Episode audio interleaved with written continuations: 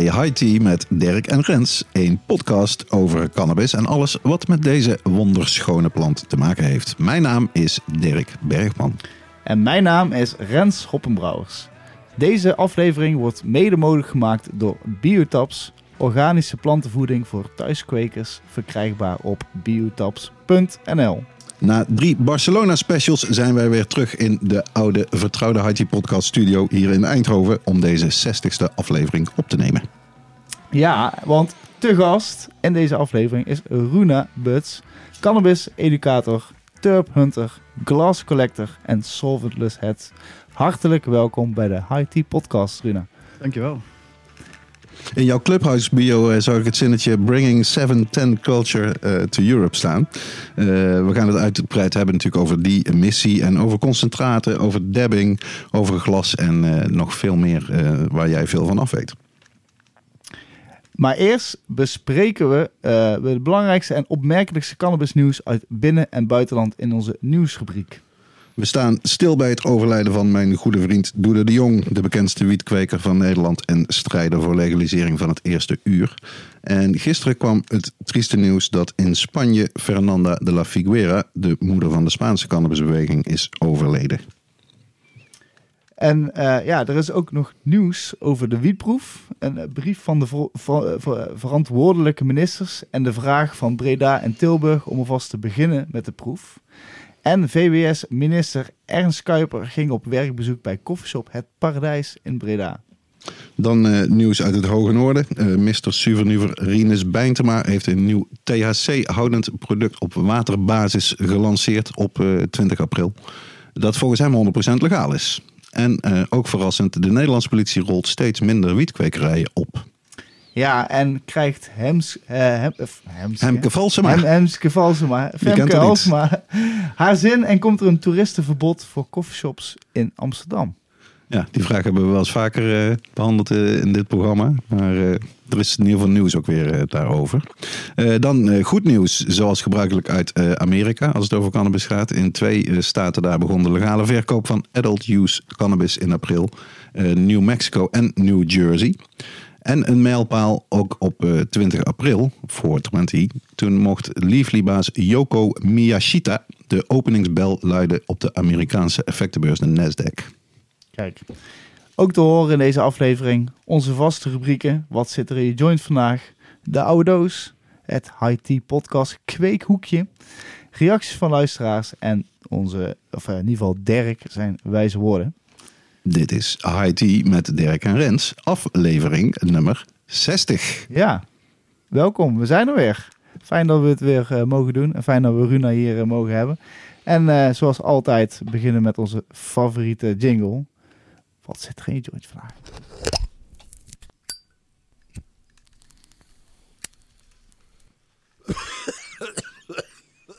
Wat zit er in jouw joint vandaag? Ja, en vandaag beginnen we uiteraard weer bij onze gast. En uh, ik zie eigenlijk helemaal geen joint uh, bij jou, Runa. Nee, dat klopt. Ik, uh, ik ben de laatste tijd niet meer zo erg van de joint. Ik heb mijn Puffco mee. Dat is mijn vaporizer. Dat is dat is, ja, ik moet zeggen, ik zie hem al hier op tafel staan. Ik, ik ken de Puffco al een tijdje, maar... Wat een beauty. Deze, de nieuwe Puffco Pro, die heb ik nog helemaal niet gezien. Niet gesponsord trouwens door Puffco, maar uh, het is echt een uh, mooi ding. Uh, kun je er iets over vertellen? Ja, absoluut. Dit is inderdaad het nieuwe model. Dit is, dus afgelopen jaar is die uitgebracht. En ze hebben hem iets, iets strakker gemaakt, iets gestroomlijnder. Hij ziet er inderdaad wat mooier uit. Hij is iets kleiner dan het vorige model. En het is eigenlijk een vaporizer voor concentraat. Daar kan je hash en wietolie in doen. En ja, het is heel makkelijk om te gebruiken. Ik, je kan deze... dabben zonder torch, zo juist, juist. Ja. Het enige wat je eigenlijk nodig hebt is het apparaat, je concentraat en misschien wat wattenstaafjes om het, om het schoon, te, schoon te houden. Wauw. Ja, ja. Ideaal. ideaal. Maar wat zit er daarin dan vandaag? Laten we het zo vragen. Ja, ik heb, ik heb een hele doos mee. Ik heb op dit moment uh, heb ik wat Poochie's Cake. Dat is, de, dat is de strain die ik erin heb zitten. En dat is van Swollen Heads Hash Company. Dat is een bedrijf uit Amerika die uh, hasholie maakt. Een mooi doosje ook. Met een houten... ja, een mooie houten verpakking. Nice. En eh, ja, dat is wat ik eh, op dit moment aan het roken ben. Ja, ik moet zeggen, ik heb dat even zitten eh, ruiken. Dat is echt niet normaal. Het is echt... eh, Mm. Oh ja, Ja, ruikt heel puur. ruikt heerlijk. Wauw. Nou ja, dus dat zijn smaakvolle, smaakvolle depjes hier eh, tijdens de die podcast. Dirk, wat ben Ja. jij eh, aan het roken? Ik zit volgens mij net als jij eh, zelf, Rens, nog midden in de jurering voor de High Life Cup 2022. En eh, ja, toch weer een enorme taak waarvoor wij ons eh, gesteld zien. En voor deze aflevering heb ik een, eh, een, een een inzender uit de categorie D, Haze on Hydro, gekozen. Eh, de D11, die is overigens alweer eh, bijna op. En die scoorde bij mij wat hoger in uiterlijk en geur dan in smaak en ook wel in uitwerking. En dat is eigenlijk, je ziet het al een beetje dat hij zo snel opgaat, in zekere zin. dat is toch wel een soort vuistregel. Juist als je denkt van, oh volgens mij is mijn joint op en je kijkt en je ziet dat hij nog heel groot is, dan weet je, hm, het zit wel goed met effect. En hier is dat wat minder, want hij is alweer bijna op. En voor daarna heb ik hier de G4 staan. Dat is de skunk categorie van de I Love Cup. En die had ik het beste gescoord in ieder geval op uiterlijk en op geur. Dus, Ik ook. eh, nou, Ja, Kijk. we toch... eh, eigenlijk is het natuurlijk Ik heb- streng verboden dat wij als juryleden ook maar enig contact hebben over deze gevoelige materie. Maar eh, het, is, het is echt een militair klusje. we houden het algemeen. Ja, het is wel werk, hè? Ja, zeker weten. Het is, ik ben inderdaad ook weer eh, vereerd dat ik eh, jury mag zijn van deze, eh, de oudste Nederlandse ca- Cannabis Cup. Ik, ik moet Zelfs oudste van Europa, ja, nou, die nog steeds bestaat. Ja, longest running in Europe. Ja, ik ben ook zeer vereerd. Ik moet alleen zeggen dat het een beetje het cheerleader effect heeft bij mij. Deze, deze keer. Ja, Het eh, cheerleader kun je dat effect. uitleggen? Ja, nou ja, kijk, je, je- krijgt die zak en je opent die zak en je wordt helemaal gek, weet je wel. Je ziet al die zakjes, je denkt, Ja, ja. "Wow." Ganja heaven. En uiteindelijk ga je ze één voor één eh, rustig bekijken. Ja, en dan valt het voor mij best wel tegen. En dan ben ik misschien Oei, iets kritisch. Maar dat is ook met cheerleaders, weet je wel. Je ziet die cheerleaders staan en denk dan, wow, lekkere wijven. Ah, ja, en dan ja. kijk je die cheerleader één voor één en dan denk je, nou, het valt eigenlijk best wel mee, weet je wel. Maar Oké, dat, dat, is het cheerleader ja, effect. ik vind, ik, ik weet niet of dat die echt bestaat, maar dit, dat bestaat volgens mij wel, die uitdrukking. Maar ik vind hem nu wel... eh, Begrijp wat je nou mee Ja, bedoelt. ja, maar in ieder geval-. Ja. Kijk, ja, ja het, is, het is gewoon, ik, ik denk dat ik gewoon een beetje verwend ben. De laatste eh, jaren, en laatste half jaar eh, zeker. Dat ik, eh, dat ik, dat ik uiteindelijk zit ik op de dag zit ik er drie, vier te proeven en te, te, te jureren. En dan ben ik toch blij als ik s'avonds aan het einde van mijn dag dat ik gewoon een, een, een sweet, wat ik nu aan het roken ben Maar toevallig. even je eigen wiet. eh, Ja, dat ik gewoon die ik zelf heb geregeld. Your Ja, ja. weed is too dank, man. Nou ja, het is misschien gewoon, ja, maar het is wel echt, ik merk gewoon echt dat er een kwaliteitsverschil is. En het, het zou misschien kunnen, omdat dat deze wiet misschien een stuk verser of zo, dat hij net van de, van, de- van de kweker afkomt. Nou, ook dat is wel een beetje een kwestie van smaak, toch? Hoe Ja. vers je het wil hebben. Ja, ja, nou ja, ik, ik, ik, op een of andere manier proef ik gewoon heel snel altijd die plastic, van dat plastic zakje, Oké. in die top wiet. En, en, en ik heb daar dan eh, misschien een iets te gevoelig neusje voor, eh, of zo, dat sommige mensen dat eh, vinden, maar... Het Nou ja, daarom- gevoelige neusje van Rens. Daarom ben je een judge natuurlijk. Ja, dat wel. Maar het is, kijk, voor mij, ik vind deze cup vind ik, ja, vind ik fantastisch. Ik vind het gewoon, ik bedoel, ik, ik organiseer zelf een cup, maar wij hebben heel erg snel gevonden van, nou ja, kijk, we, we hebben allebei een andere doelgroep. Voor ons is het echt de thuistelers en echt de mensen die het zelf kweken, die meedoen. En eh, de High Life is echt een coffeeshop cup. En Ja. dat, ja, dat vind ik fantastisch, want dat, dat moet er ook gewoon zijn. En die competitie moet je er ook echt in houden. Alleen, inderdaad, omdat je dus 176 samples eh, deze keer eh, voor je neus krijgt, ja, die wil je gewoon eerlijk jureren. En voor mij, omdat het dan, je hebt er gewoon wel echt een maand voor nodig om het goed te kunnen jureren, alles, om het goed per categorie te kunnen.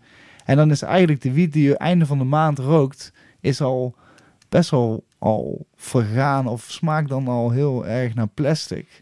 En heeft Maar ja, mij- jij stopt een deel toch ook achter glas eh, zo snel mogelijk nadat je het krijgt. Ja, dat, Dat heb ik dit jaar ook gedaan. Ja, ik heb het iedereen geadviseerd. Ik heb vorig jaar heb ik het ook gedaan. Ik heb dit jaar eh, ben ik er nog niet aan begonnen, omdat ik een beetje eigenlijk de, de betere. Daar heb ik dan een ook ook nog een eh, onderwerp. Nu ik voor de eerste keer ook een cup puur jureer. Ja, Oh zeker. ja, dat is de eerste Kijk, keer. Voor, voor mij Mijn cijfers eerst- zijn wat lager dan eh voorgaande jaren. Ja, hoor. ook dat, maar ook gewoon eh, eerst eh, rookte ik een jointje van. Nou, daar kon ik nog vijf of zes jointjes van roken van, van dat zakje. Nu draai ik één joint en kan ik nog maar een halve joint daarna ervan roken. Dus eigenlijk elke best wel prima wiet. Ja, daar heb ik nog maar een korreltje van. Ja, daar zoek ik ook niet om eh, een glazen potje alles te zetten. Dus eh, oh, het is af goed, jij hebt toe- er al een beetje verklapt voordat deze rubriek eh, tot monsterlijke proporties eh, gaat uitgroeien. Jij bent sweets aan het roken. Ja, sorry. Het is jouw, eh, een beetje uit. Goede oude favoriet. Ja, als ik ooit de kans krijg om sweets eh, te kunnen roken, dan pak ik die met twee handen eh, aan. en het is, eh, ja, ik heb het al vaker uit. Het is de guava eh, eh, gelato keer, de sour diesel van eh Karma Genetics. En ja, het tikt voor mij alle boxen. Gewoon lekker, gassy, sweet, rookt goed. En eh, ja, maakt me altijd weer zeer blij. Eén dingetje wil ik nog wel zeggen, eh, even over de High Life Cup, waar gebeurt. Ik was gisteren in Den Bosch de hele dag in de Verkadefabriek. Op de filmdag van de NRC. Ook een aanrader trouwens, erg leuk. Ik krijg vier goede films voor premières te zien. Lekker eten erbij. Dus eh, na dat lekkere eten, of misschien daarvoor, had ik één eh sampletje van de High Life Cup meegenomen. Die ik ook hoog had gescoord op geur en eh, zicht. Looks. En die was ik aan het roken. En toen kwam er een eh, toch wel wat oudere op leeftijd zijnde grijze dame naar buiten gelopen.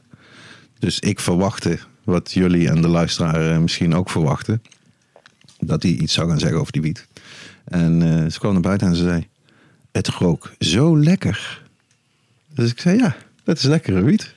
En dat vond ze erg grappig om te horen. En, eh, dus er zit, wel degelijk zitten er ook samples eh, in die grote zak die eh, zelfs op afstand goed scoren. Ja, ik ben misschien te negatief hoor. Maar laten we zeggen, er zitten ook echt wel hartstikke mooie samples in. En ben ik, ik vind het sowieso een eer dat ik dit mag doen en dat ik mijn mening erover mag geven. Dat was de A13 trouwens.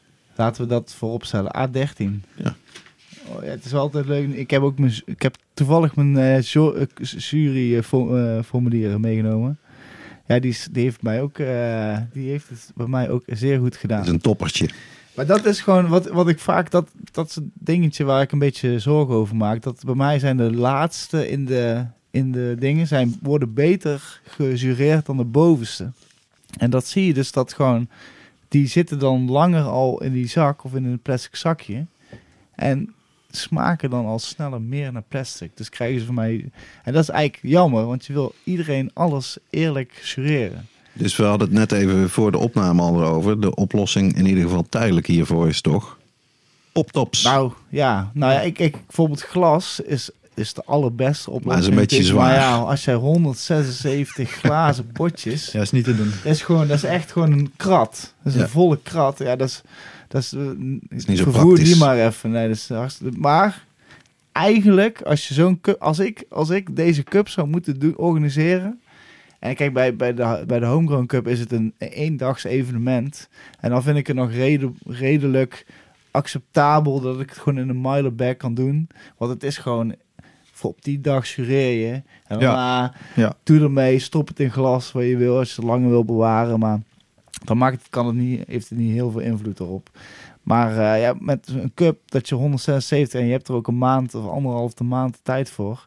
Ja, dan wil je het gewoon serieus nemen. Dan wil je het gewoon niet van degradatie laten afhangen. Maar, eh, maar goed, we lullen te veel. dat roken we. Dat roken we. Ik hoop ook eh, alle luisteraars dat je iets lekkers aan het roken bent. Laat het ons weten. Maar laten we ook naar het nieuws gaan.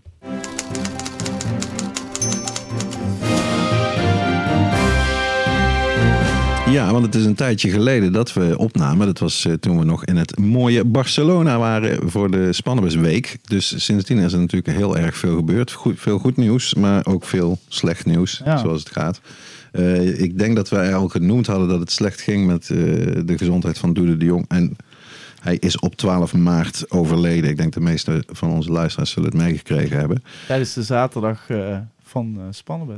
Ja, het eh, heel bizar is achteraf eh, gezien. Ja, is op die zaterdagavond is die, overleden, onze doede. En precies een maand later, ik wist dat het stuk zou komen, maar het duurde eventjes voort. In de krant stond een mooi stuk van Jurre van den Berg in de Volkskrant.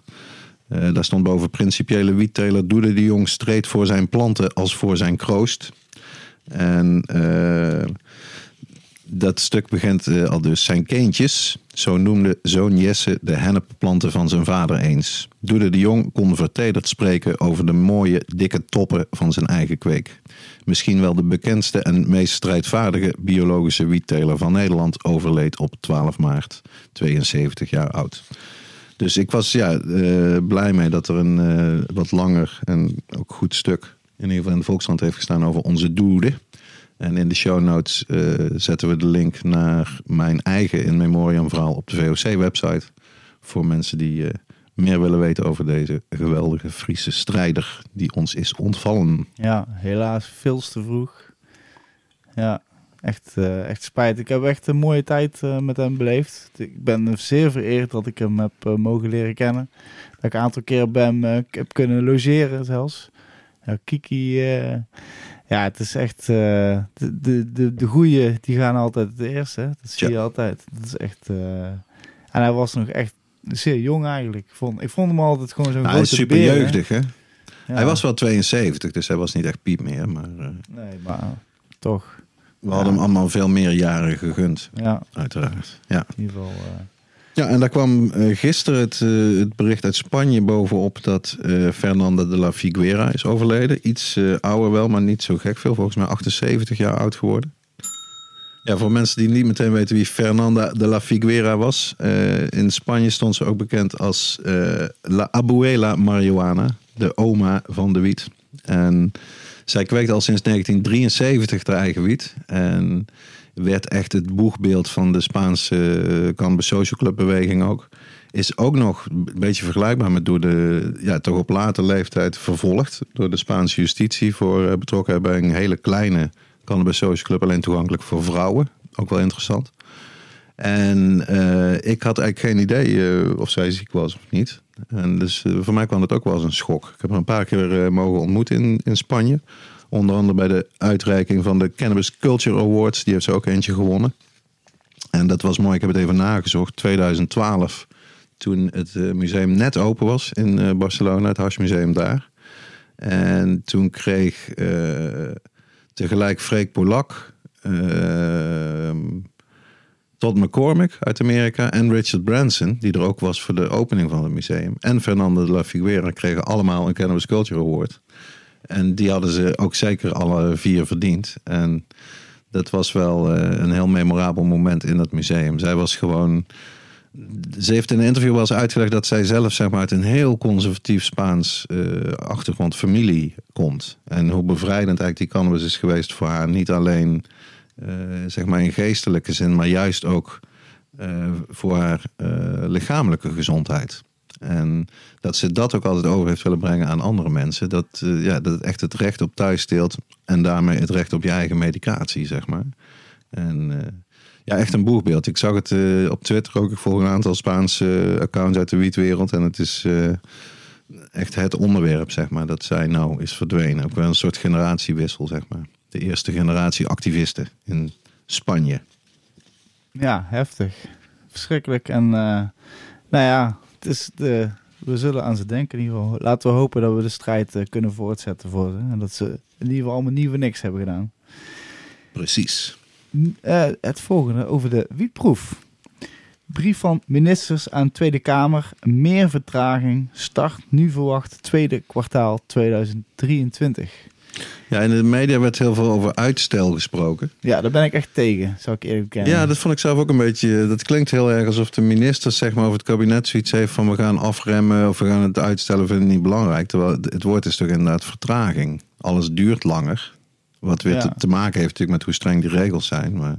En zelfs vertraging vind ik gewoon... Uh, het is gewoon, laten we zeggen ik denk dat het gewoon zwaar onderschat was. Dat, ja. hadden ze gewoon, dat, dat had de titel moeten zijn. Wietproef onderschat door overheid en de instanties.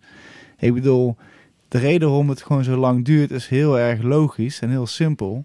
Ze hebben gewoon bij die bebop-controle gedacht van... Uh, nou, We hoeven alleen een paar coffeeshop-eigenaars eh, te controleren. Of een paar, eh, weet ik veel, gekke on- eh, ondernemers. Want wie gaat er nou in die wietproef eh, meedoen? Ja. Maar ja, als zo'n Marcel Boekhoorn, een van de grootste ondernemers van Nederland, eh, mee gaat doen, die misschien wel honderden bedrijven heeft, ja, gaat die maar Want welke- bij welke- halen. Bij welke club zit hij dan? Van de ingeloten telers? ja, Weet je dat? Dat, eh, dat is een beetje... Is dat eh, top secret? Dat is dus geheim. Ik weet het dus ook niet... eh, ik weet het wel, maar ik, ik, ik ben bang. Het is een van de tien. Het is eh een van de tien. En, maar ik vind het wel heel gaaf dat hij... eh, wat een gaaf land hebben. Maar nee, sorry. Nee, ik vind, het, ik vind het wel tof dat zo iemand meedoet. Omdat je dan laat... Dat, dat laat wel zien wat voor interesse er is uit de gewone markt. Ook, Mhm. Want het is gewoon een gigantische goede markt. En zo Marcel, die, die, die ziet dat en die denkt, hoppa. En die snapt dat gewoon. Weet je? Ja, met het gevoel van understatement wel eh, schrijven die ministers in die brief aan de Tweede Kamer over al deze extra vertraging. Dat de weg naar de start hobbelig blijkt te zijn. Ja, zeker. Ze hadden het Hobbelig. gewoon...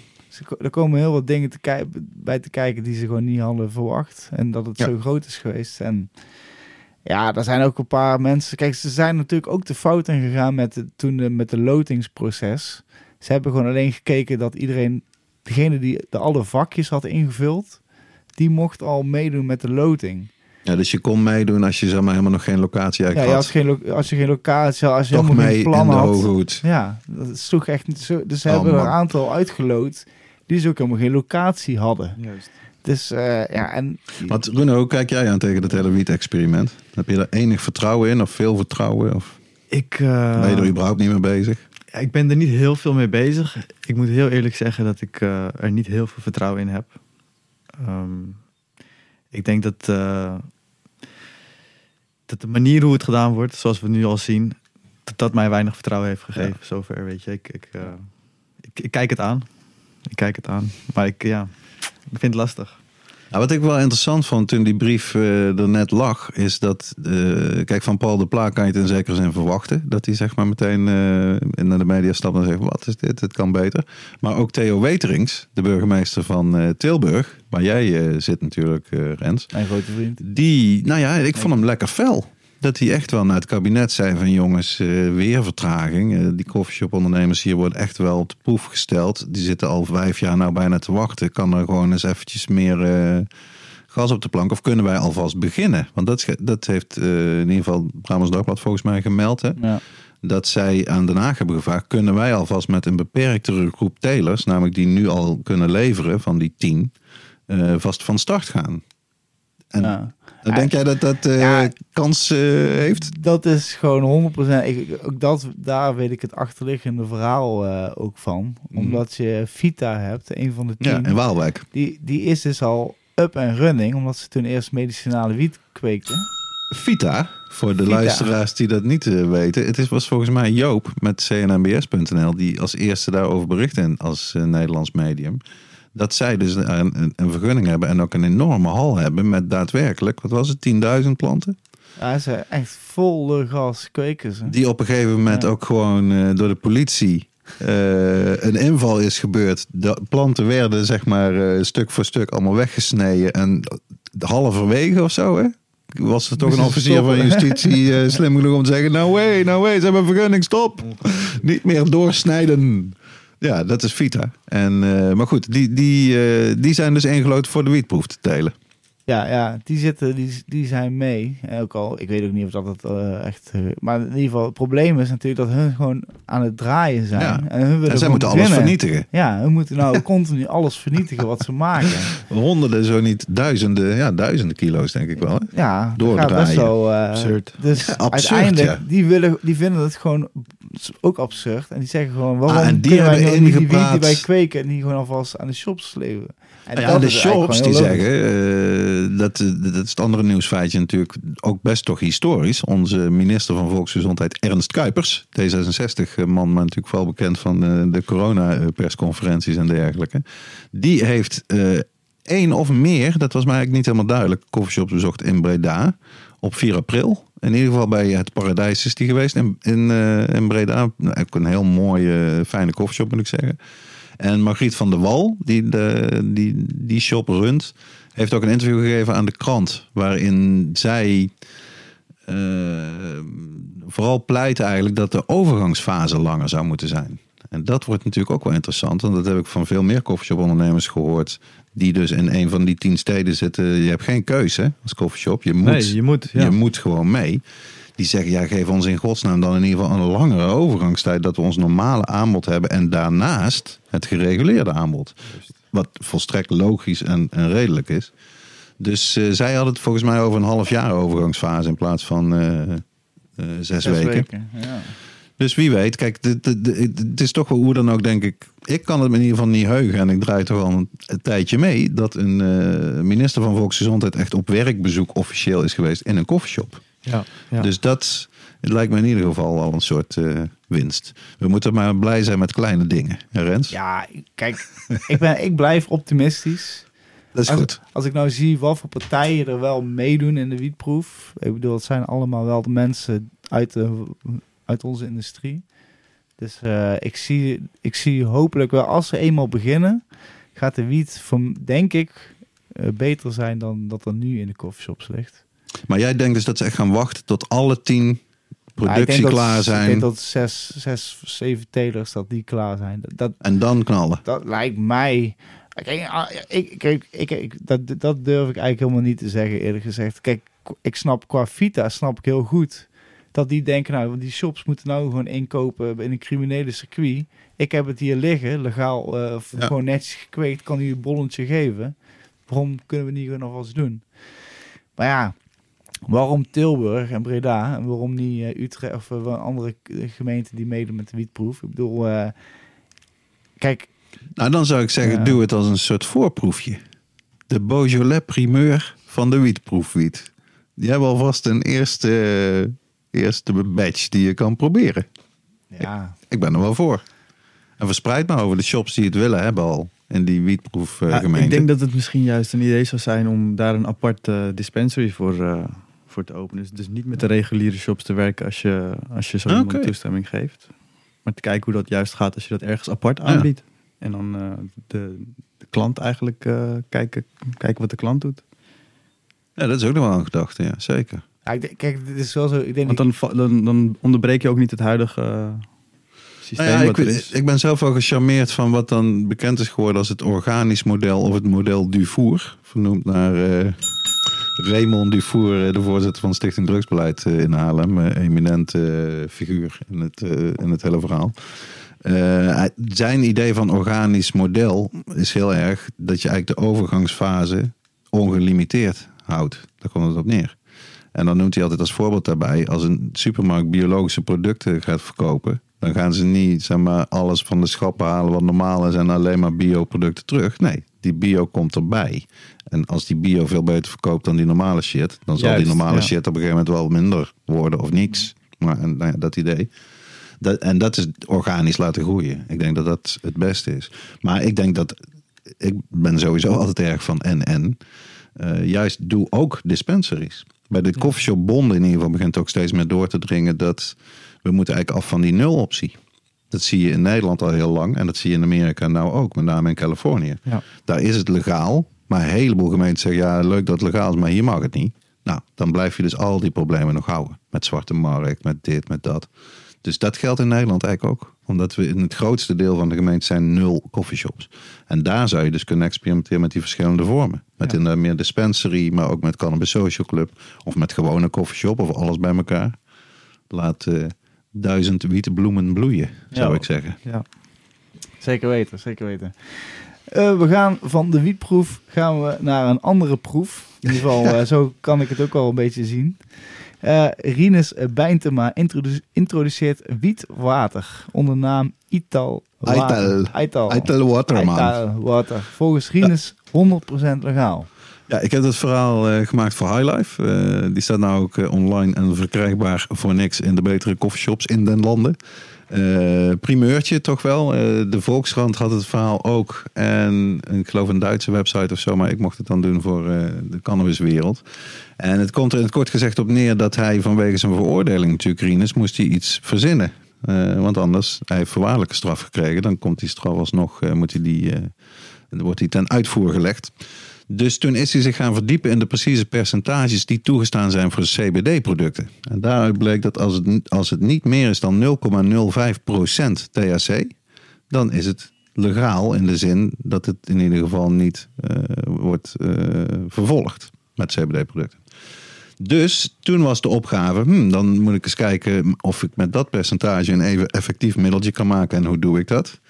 En uh, zo kwam die eigenlijk op uit dat als je dat met olie moet gaan doen, dan zijn de hoeveelheden zo groot dat je zeg maar een volledig glas uh, olie, wat het ook is, kokosolie of olijfolie, wat je ook gebruikt, uh, moet gaan drinken. Dat is natuurlijk niet gezond. En dat zou je in water moeten doen. Lang verhaal kort, je kan het nalezen op, in de, op de website ook. Is dat hij is samen gaan werken met een Amerikaans bedrijf, Hemp Synergistics. En zij zijn zeg maar. Ik heb uh, die mannen geïnterviewd en één die komt uit de voedingsindustrie. Dus die zijn heel erg gewend aan dingen verbeteren, uh, producten maken die sneller opneembaar zijn. Dat draait om bioavailability. En dat passen ze nou toe eigenlijk op die cannabis. Dus uh, het wordt veel effectiever in een notendop uitgelegd, want het is natuurlijk iets ingewikkelder. Uh, doordat jouw lichaam uh, een beetje voor de gek gehouden wordt. Rinus heeft het zelf altijd over paard van Troje effect.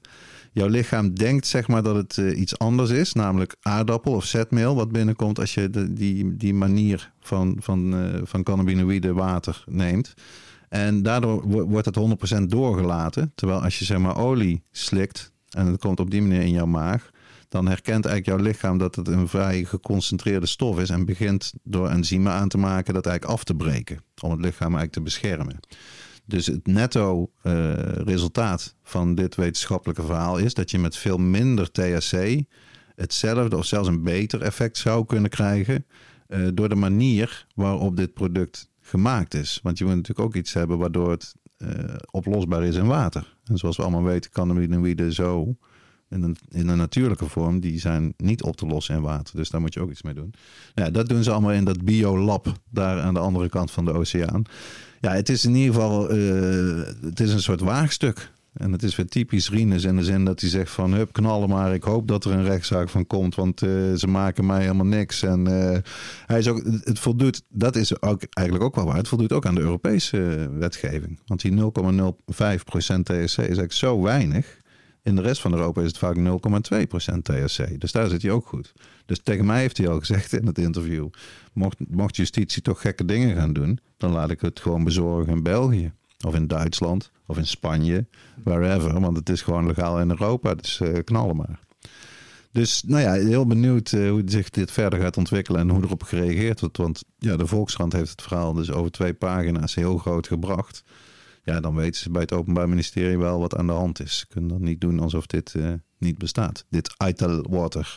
Oh ja, en dat dan misschien nog eventjes.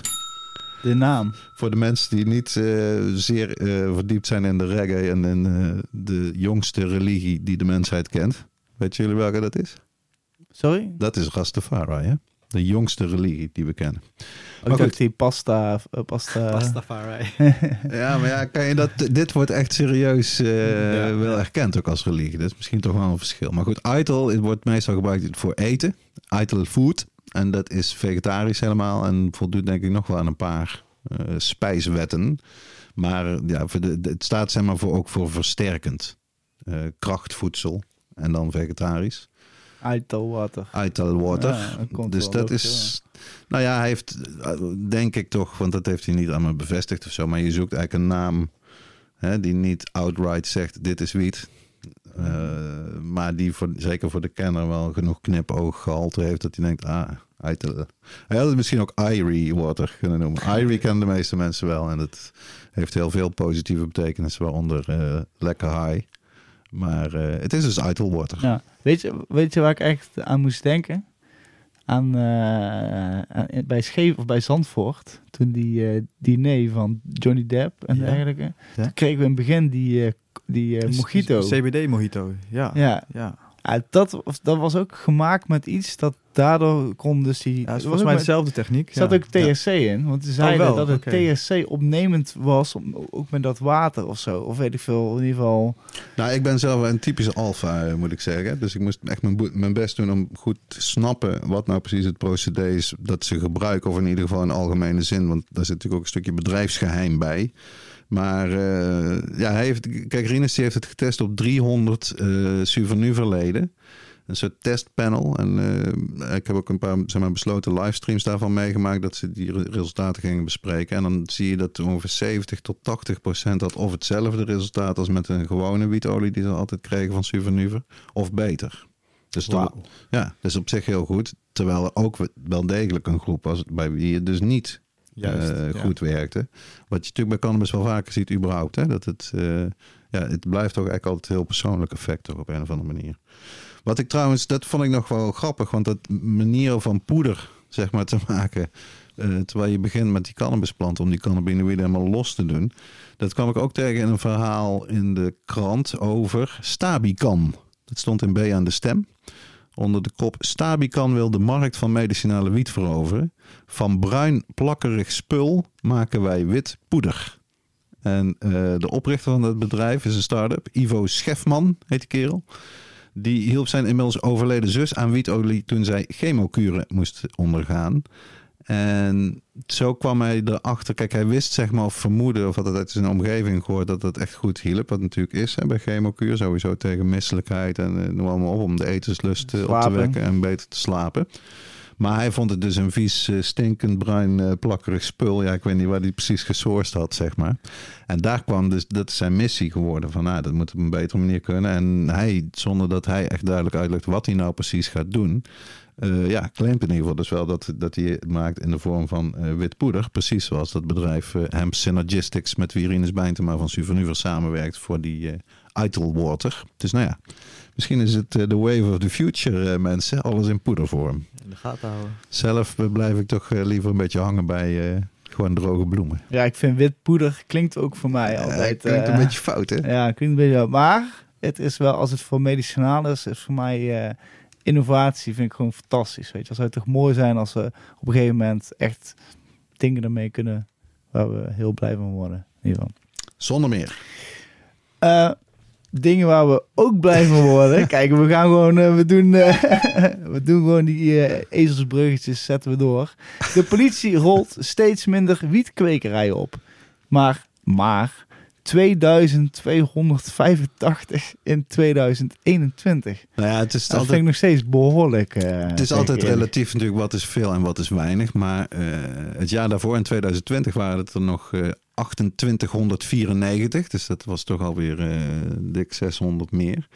En in het topjaar 2014, niet zo, toch niet zo heel lang geleden, eh, rolde de politie 6006 kwekerijen op. Oh, Dus dat is bijna, drie, nou ja, ruim rekenen, drie keer zoveel. ja. En ik heb hier een citaatje erbij van de portefeuillehouder drugs van de politie. Die meneer, heet eh, Willem Woelders. En die zegt: We moeten kiezen. In samenspraak met het Openbaar Ministerie en burgemeesters richt de politie zich in gemeenten vooral op de bestrijding van harddrugs en het opvolgen van aangifte. Nou, lijkt me alle twee eh, goed, zeker dat laatste. Bij een aantal basisteams worden daarom hennepteams opgeheven. Zo.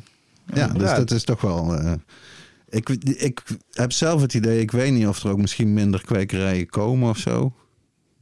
Je hoort toch ook wel van, eh, er is veel verhuisd naar de andere kant van de Belgische grens, zeg maar, Belgisch-Nederlandse grens. Er wordt veel geïmporteerd uit Spanje, ook door coffeeshops. Maar ja, dus het blijft altijd moeilijk schatten hoeveel kwekerijen zijn er überhaupt en hoeveel waren er tien jaar geleden of acht jaar geleden. Heel lastig, ja. Ja.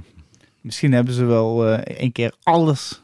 Weet je, hoe, dat ze gewoon alle kwekerijen bijna hadden. En dat ze maar dan, denken dat ze de helft hadden of zo. Weet je, je weet het ook nooit met ja, cijfers. nee, het blijft een dark Nee. number. Sorry, dit was een beetje te vaag. Maar nou ja, ik bedoel, eh, we kunnen toch wel scharen onder goed nieuws. Ja, ik vind het nog steeds behoorlijk veel. Maar dat laat zien ook, dat, af en toe dan realiseer ik ook gewoon hoeveel wiet er gewoon dagelijks wordt verkocht. En dat het dus gewoon ook allemaal nu, allemaal achter de achterdeurtjes gekweekt wordt. Het is bizar. Het is ongelooflijk wat voor wereld dat is, toch? Tja.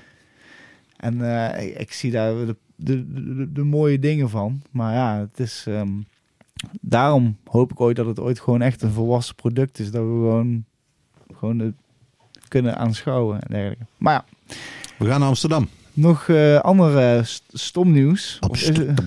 ja, in ieder geval. Halsema ontvouwt in een deel, in een, in, een brief aan de, aan de Raad van 11 april haar plan om de cannabismarkt beheersbaar te maken. Ze wil het I-criterium gaan handhaven. En dat, Ja, dat- is wel eh, heftig. eh. Ja, dat hangt natuurlijk ook al heel lang eh, in de lucht. Hè? Dat is, eh, ik vind het zelf ook wel in de internationale media wel, wel grappig. Dat we nou echt al twee jaar om de vier maanden zie je. Ja, Hè? Dan is, komt er eh, weer zo'n golfje van eh, Amsterdam will ban the tourist from the coffeeshop. Maar ja, dit klinkt weer iets serieuzer. En tegelijkertijd als je ziet dat er ook weer een, uiteraard zou ik bijna zeggen, heel veel tegengas komt van alle kanten. Niet alleen van de coffeeshopbond, maar wel onder andere de BCD.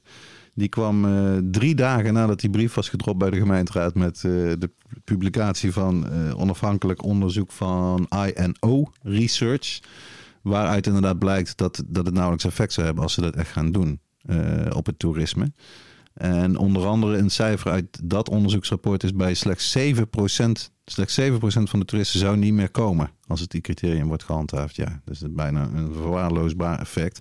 Terwijl dat andere effect hebben we natuurlijk in, bijna, of ja, in eigenlijk alle steden gezien waar het echt gehandhaafd is, eh, of nog steeds wordt het I-criterium. Ja, meer dealers op straat, meer eh, scooterdealers, 06-dealers, hoe je ze wil noemen. Maar ja, de handel gaat gewoon eh, buiten de coffeeshops ergens anders verder.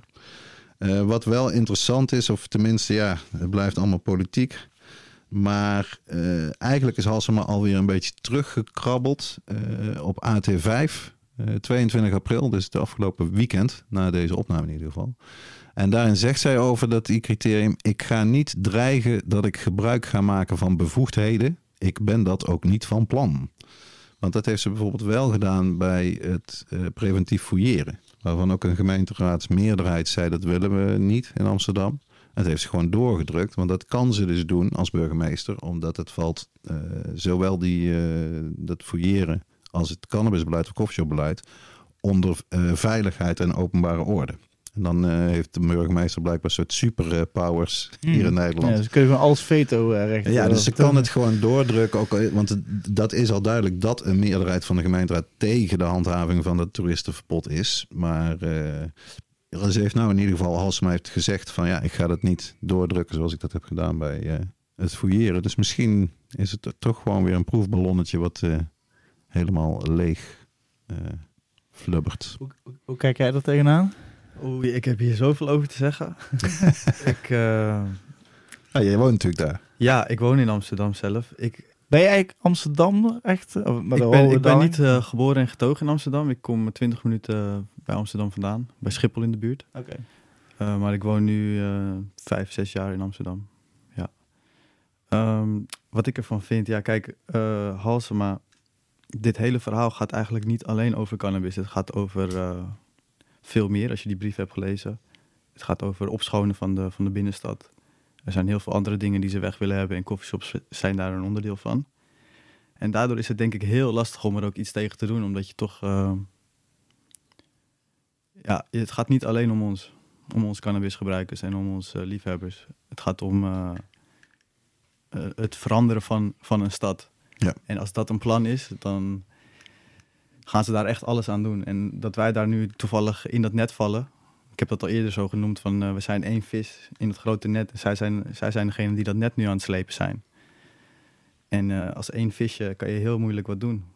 Nou, zoals ik het begrijp ook van, van ondernemers in Amsterdam coffeeshop ondernemers, is dat wat nu zeg maar tegenwoordig in de binnenstad woont, dat is een heel ander type mens als die er zeg maar 20, 30 jaar geleden woonde. Dus dat zijn echt, eh, je moet ook rijk zijn om in de binnenstad van Amsterdam te kunnen wonen, zeg Ja, maar. ja, zeker. En die mensen die willen gewoon helemaal, die willen dat allemaal helemaal niet. Die willen eigenlijk überhaupt geen toeristen, heb ik het idee. En dus Maar ik denk dat dit Het vooral een- vanuit onderneming komt, ondernemers. Er wordt, dit, dit verhaal wordt heel veel, heel veel eh, herhaald door mensen. Dat het Mhm. eh, de juppen zijn, weet je wel. Dat het de nieuwe, de nieuwe bewoners van Amsterdam, eh, Amsterdam anders willen hebben. Maar die mensen zijn naar Amsterdam gekomen juist vanwege dit. Dit heeft ze aangetrokken. Dat het de vrijheid van Amsterdam. Dus ik geloof dat verhaal niet zo heel erg. Ik, ik weet dat het heel veel gezegd wordt. Dat, dat, dat, en Ja, die- ik heb dat de, idee de zelf- ondernemers dat Ik heb ook. dat zelf ook wel, dat idee een beetje. Hoor. Je ziet het Ja. namelijk wel veranderen. En dat is niet alleen in Amsterdam, maar eigenlijk in al die echte ja, steden die veel bezoekers trekken. Ja. Maar wat jij zegt, kijk, als, als, het- als het veel kost om ergens te wonen, dan, eh, dan eisen mensen ook bepaalde dingen van die buurt waar ze dan wonen. Ja, dat het super schoon is. En... Ja, maar zijn, zijn, coffeeshops, daar, zijn coffeeshops daar een... eh, Nee, kijk, dat weten we natuurlijk allemaal zoals we hier rond de tafel zitten. Het, probleem zit überhaupt bij de alcohol. En bij de combinatie van alcohol met wat dan ook, weet je wel. ja, En het, het is zelfs een beetje handhaving. Zo'n verhaal heb ik onlangs ook weer gelezen in het Parool. Dat iemand die was op reportage gegaan dan op de Wallen. En eh, die schreef zo een beetje op het einde ook erbij... dat ze in heel die drie uur dat ze zeg maar, rond hadden gewandeld... geen enkele handhaver hadden gezien. Alleen zeg maar, het Nee, soort ja. wallen service mensen... die dan door de Wallen zelf worden be- betaald voor ondernemers op de Wallen. Ja. Maar gewoon normale BOA's of politiemensen... die hadden ze helemaal niet gezien in dat focusgebied... weet je wel, waar iedereen over klaagt. Ja, het, is, Jezus. het is een heel krom verhaal. In de brief staat dat, het, eh, dat ze de, de drugsproblematiek willen verminderen. Dus eh, dat het gaat dan om dealers. Ja, dat, dat is nu natuurlijk al aan de hand voor dealers die harddrugs dealen. Juist, en dat, zijn, dat, dat, dat wou ik dus net zeggen. Dat zijn voornamelijk harddrugs Ja, dealers. Ik denk niet dat er echt eh, wiet gedeeld wordt op de straten van Amsterdam. nee, dat- In ieder geval zeker niet in de binnenstad. Klein gaat- bijproductje. Kreeg gaat- gratis bij. eh, nou ja, wie gaat ja. het kopen daar? Weet je, je Ja. bent een beetje gek als je dat doet. Je hebt zoveel keuze uit coffeeshops. Ja, en, ze- en ze zegt dus zelf ook dat het eigenlijk gaat om het verminderen van de aanvraag. Ze wil de markt verkleinen. Tja. Ehm, dus dat zijn twee hele verschillende dingen. Is het, is het nou de drugsproblematiek qua de dealers die de overlast veroorzaken? Of, of wil je de markt verkleinen omdat je het beeld van de binnenstad anders wil hebben? En als je de markt wil verkleinen, dan begrijp ik ook dit soort tactieken als eh, om de zoveel tijd een nieuwsbericht eruit te gooien. En dan horen wij weer vanuit het buitenland nog ergere nieuwsberichten. Die worden dan gedramatiseerd. Telegraaf. Want elke keer wordt het ook weer opgepikt in het buitenland. Hè? Juist, maar dan hoor ik ook van mensen uit het buitenland toch die dat dan geloven en die dan misschien toch niet komen. Dus die 7% wat er net gezegd Aha. werd, die je dan mist. Ik weet niet of dat waar is. Ik denk dat toch mensen die, die, die dat wel geloven en dan toch een, eh, ergens anders kiezen om Nou, naartoe te gaan. Kijk, zoals ik er naar kijk, ik, ik probeer me dan een beetje te verplaatsen in die toerist of in die consument. Het gaat jou toch, denk ik, voor een deel om het hele plaatje. Als Amsterdam gewoon een rottige, lelijke, tochtige klootstad was, waar je naar de koffieshop kon gaan, ga je dan nog steeds? Nee, je, kan daar ook naar Paradiso en het is een mooie stad en je kan allerlei eten, je kan dit, mooie musea, weet ik veel wat allemaal. In die zin voor elk wat wils nog los van die koffieshop. En dat is denk ik het succes. En juist ook het beeld, niet zozeer van drugs dan, maar wat je eerder ook zei, van vrijheid. En van Ja. tolerantie. Wat ook natuurlijk veel breder is dan alleen maar de vrijheid voor, eh, om wiet te kunnen roken. Dit is absoluut waar. Ja, maar de vrijheid om jezelf te kunnen zijn en om je ook te manifesteren en niet op afgerekend te worden of weet ik veel, wat gewoon hoort bij een grote stad. Daarom trekt hij ook zoveel provincialen, denk ik altijd, toch? Ja, nee, dat klopt. Het idee daar eh, is echt vrijheid. Kan ik mezelf zijn, hoef ik me niet te schamen voor niks. En zijn meer gelijkgestemden, ook al omdat het een grote stad is met meer inwoners natuurlijk. Dus ja, en dat zou je toch niet weg moeten willen gooien als je burgemeester bent. En zeker niet als je ook nog GroenLinks burgemeester bent. Maar goed. Ja, het is uiteindelijk gewoon een, een groot attractiepark voor volwassenen, toch? Als het in het, Zo voelt het soms wel, ja. ja. Nou ja, ik heb zelf ook wat idee dat dit, dit gaat zich natuurlijk in zekere zin op termijn vanzelf oplossen. Zeker met Duitsland die legaal wordt. Als je daar ook gewoon naar een koffieshop kan gaan en je krijgt super eh punktliche kwaliteit, super Deutsche wiet. Ja, dan eh, hoeven die Duitsers in ieder geval ook al niet meer en masse te gaan komen en noem het maar op. Weet je. wel. Nou ja, ik denk, ik denk dat het verschil zo pas wordt gemerkt als in Engeland en Frankrijk eh, Ja. zouden legaliseren. Ik denk dat het dan... eh, maar ja, uiteindelijk blijft Amsterdam toch een soort van mekka die je even toch wil zien. Ja. In ieder geval, eh, uiteindelijk als je zegt ik kom uit Nederland, dan is het eerste wat ze zeggen, oh eh, Amsterdam, eh woe, smoking, weet je wel. Dus uiteindelijk blijven we toch wel een beetje de... De, de, maar ja, uiteindelijk, nou, ik, ik heb wel eens een keer s'avonds een rondje gelopen over, eh, over de wallen. Omdat ik dacht, ik wil het toch eens een keer zien. Maar ik maar ze kon- komen toch meer voor de hoeren dan? nou ja, voor maar, de shops? maar ik kon wel echt de dealers, kon ik echt Spotten. allemaal aanwijzen Ah, ja. gewoon. Dat vond ik echt, die, die stonden daar zo. Ja, zo te- en die zijn ook wel bekend. Die zijn ook Ja. wel bekend bij de gemeente. Die, weet, die weten, het- heel, heel, heel de binnenstand hangt, hangt vol met camera's. Dus zij weten Ja, heel goed wie wat doet. Eh, als ze het probleem echt willen aanpakken, doen ze dat ook. Maar ze hebben zelf al eerder aangegeven dat ze bepaalde mensen hun werk laten doen. Omdat ze die mensen kennen. En die Zo. mensen... Ook een Het is- het is- het is- gedoogbeleid. Ja, het- ja absoluut. Ja. Een soort gedoogbeleid. er zijn mensen die, eh, die nep, nep eh, harddrugs aanbieden. En die laten ze gewoon hun ding doen. Wauw. Ja. Soort- Want, als, want, want het idee is, soort als jij, het idee is als jij een keer wat verkeerds koopt, dan doe je dat een tweede keer niet. Maar als jij een keer wat goeds koopt, dan kom je terug. The En, vandaar, en vandaar laten ze sommige mensen toch eh, wat onzin verkopen. Was, Ja. Waspoeder of eh, wat dat ook is. Zo. Nou ja, ik was het sowieso niet van plan, maar toch voor alle luisteraars die van plan waren om ooit een keer eh, bij een dealer daar te gaan halen. Pas op. Of als je geen wasmiddel hebt en je hebt toevallig was, dan weet je Ja, ook er, waar is je was. leuk, er is een leuk programma, het bureau Burgwallen. Dus voor mensen die geïnteresseerd zijn in de politie, politiewerk in, in de Wallen. Bureau Burgwallen. Eh, Oké. ik, heb het, ik heb het volgens mij al een keer van gehoord in ieder geval. Hoe ik het gezien heb, weet ik niet. Fijne tips voor een ieder die er wat aan heeft. op naar het volgende nieuwtje. Ja, want er zijn opnieuw twee nieuwe staten bijgekomen die eh, die gaan legaliseren of hebben gelegaliseerd. Nou ja, waar de verkoop echt begonnen is. hè? Oké. Nieuw eh, Mexico en New Jersey. In eh Nieuw Mexico ging het om 118 eh, winkels, hoorde Zo. ik eh, online. En in New Jersey gaat het er echt om aanzienlijk minder eh, winkels. Waarschijnlijk 10 die op de eerste dag eh, open gingen voor. eh, Dat is ook een klein eilandje maar toch, New Jersey? Eh, New Jersey is de staat van New York. Volgens mij. Was ik? Nou ja, in ieder geval zit het daar vlakbij. Maar nee, dat is best wel groot volgens mij, New Jersey als staat.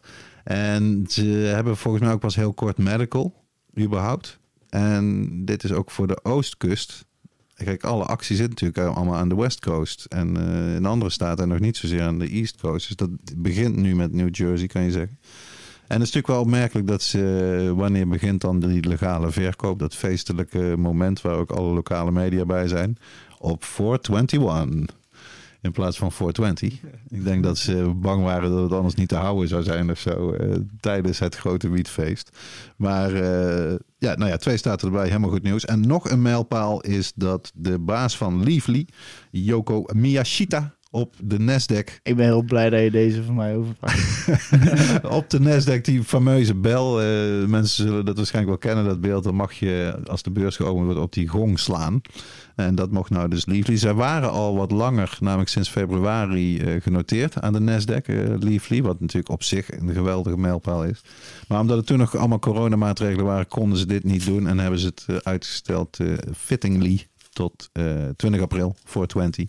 En eh, dat is dus gebeurd. eh Leafly op de beurs. Dat is toch, wel, toch wel mooi, hè? Ook, eh, ik, eh, ik, ik zat vorige week in de auto. Eh, ik weet niet meer waarheen ik reed, maar het ging dus toen over, eh, over, eh, over, over eh, Elon Musk met zijn Twitter-verhaal. Oh, dat ja. hij Twitter wilde overnemen. En het was op BNR, BNR dus lekker eh, decadente, nette radio voor eh, de 40-plusser. Eh, Ik luister hem graag, moet ik eh, stiekem eh, onthullen. Maar ik in ieder luister geval, ook veel bij. ja, ja, ik vind dat lekker rustgevend. Nee, geval ik ben luisteren. ook 40 plus natuurlijk. Maar in ieder geval, toen zeiden ze zo van... eh, ja, en die Elon Musk heeft eh 54,20 euro geboden. En ik had het zelf nog niet... Ik had het zelf nog niet eens eigenlijk door. en toen zei die presentator en dan zo van... ja, en het is heel grappig, want... in die 5420 zit natuurlijk weer het getal 420. 420. En eh, ja, en eh, dat doet eh, tegenwoordig Elon Musk wel vaker. Hij is heel erg bezig met die 420. En voor de luisteraars die het niet weten, dat is de nationale blootdag voor, voor cannabis. en ik dacht wauw, weet je wel, dat is toch wel al best wel next level. Dat is gewoon op BNR, dat ze het gewoon ja. weten wat Nou ja, en in, 420 in is. Amerika zie je dus, dat is ook een prachtig eh, proces om, eh, om te zien, dat steeds meer en steeds grotere merken en organisaties inspringen op 420. Ja? Weet je wel? Ja, Ja. dus ik weet niet of het Doritos is, maar in ieder geval dat idee met vreedkick. En dat ze gewoon advertenties maken speciaal rond 420, terwijl ze niet een wietbrand zijn. Dat komt er echt aan in Amerika, dat eh, worden er steeds meer. Dus dat is eh, hopelijk toch ook wel ook, ja, ons voorland, weet je wel. Dat we een beetje normaal ermee gaan doen. Onze maatschappij hangt van reclame aan elkaar en dan zou het net met dit helemaal niet mogen. Ja, Ik vind het toch een beetje eh, inderdaad. gewoon hup. Voor volwassenen en dan eh lekkere mooie dingen maken. Maar eh, dat, dat is- is- in ieder geval, dit is, is in ieder geval het laatste nieuwtje weer. Tot Het zover was een hele de, bak. de XL nieuws. Ik zeg maar, we waren er ook een aantal weken tussenuit. Dus bij deze. Dan gaan we naar onze grote vriendelijke gast. Of nou ja, grote vriend, zeer vriendelijke gast eh, uit Amsterdam. Uit de regio Amsterdam. Runa. Yes, yes. Fijn om hier te zijn, jongens. Ja, leuk dat je aanschuift. Leuk dat we alvast een beetje van je mening eh, mochten proeven. Nou ja, zeker over i-criterium is super interessant. Eh, ik denk dat het gewoon waar is met die, met die dealers, met die nepdoop, man. Niet te geloven. Ja, ja, het is eh, heel raar wat er allemaal gebeurt. Ja. En, en voordat we eigenlijk echt de diepte interview ingaan, wil ik toch even alle luisteraars vertellen dat ik door Runa ben gestopt met de bak.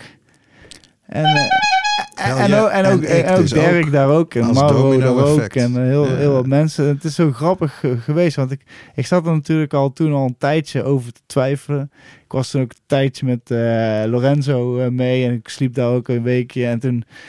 Hij heeft mij toen ook nooit kwalijk genomen dat ik überhaupt nog tabak rookte. Terwijl hij redelijk anti-tabak is. Ja, precies. Maar ik mocht ook gewoon in zijn huis tabak roken en zo. En mij, ik voelde me wel een beetje bezwaard, weet je wel. Zo, ik wist dat, het- dat hij er echt niet... Want hij zei, ja, ik heb heel veel vrienden die gewoon hars roken altijd. Dus als ik eh, dat nou niet zou doen, dan zou niemand van mijn vrienden kunnen langskomen, weet je wel. Dus ik voelde me niet heel bezwaard, maar ik dacht wel... Ik zat, ik zat daar bij hem en ik, ik rookte wel zes, zeven jointjes eh, of acht jointjes daar. Terwijl hij helemaal niet rookte, bijna. En, en gewoon toen s'avonds zei hij zo, nou, ah, ik heb nou zin om een lekkere joint te roken, weet je wel. Dus toen dacht ik al van, zo, ik, ik doe het al zoveel obsesserig. Het is voor mij gewoon echt een moedje, inderdaad, wat ook Jack toen eh, heeft gezegd. Ja, ja. Je, bent gewoon, je, je hebt gewoon, je, je, je hebt gewoon zo behoefte om te roken dat je maar gewoon een joint eh, draait. En d- daar zat ik een beetje mee. En ik had heel erg last van mijn tandvlees. Juist, juist. En ik zweer eens, ik zat daar gewoon. We waren toen bij Lorenzo, jij zat langs mij. En ik zat toen een beetje te stressen over mijn tandvlees. En hij, en Runa zegt gewoon, gewoon precies wat ik dacht van. Oh ja, ik had vroeger wel eens land- last van mijn tandvlees. Maar eh, mijn, mijn tandarts zei van, weet je, je zou eens moeten stoppen met tabak roken. Dat zou misschien kunnen schelen. En echt voor mij viel daar, voor mij was het ook wel echt zo van.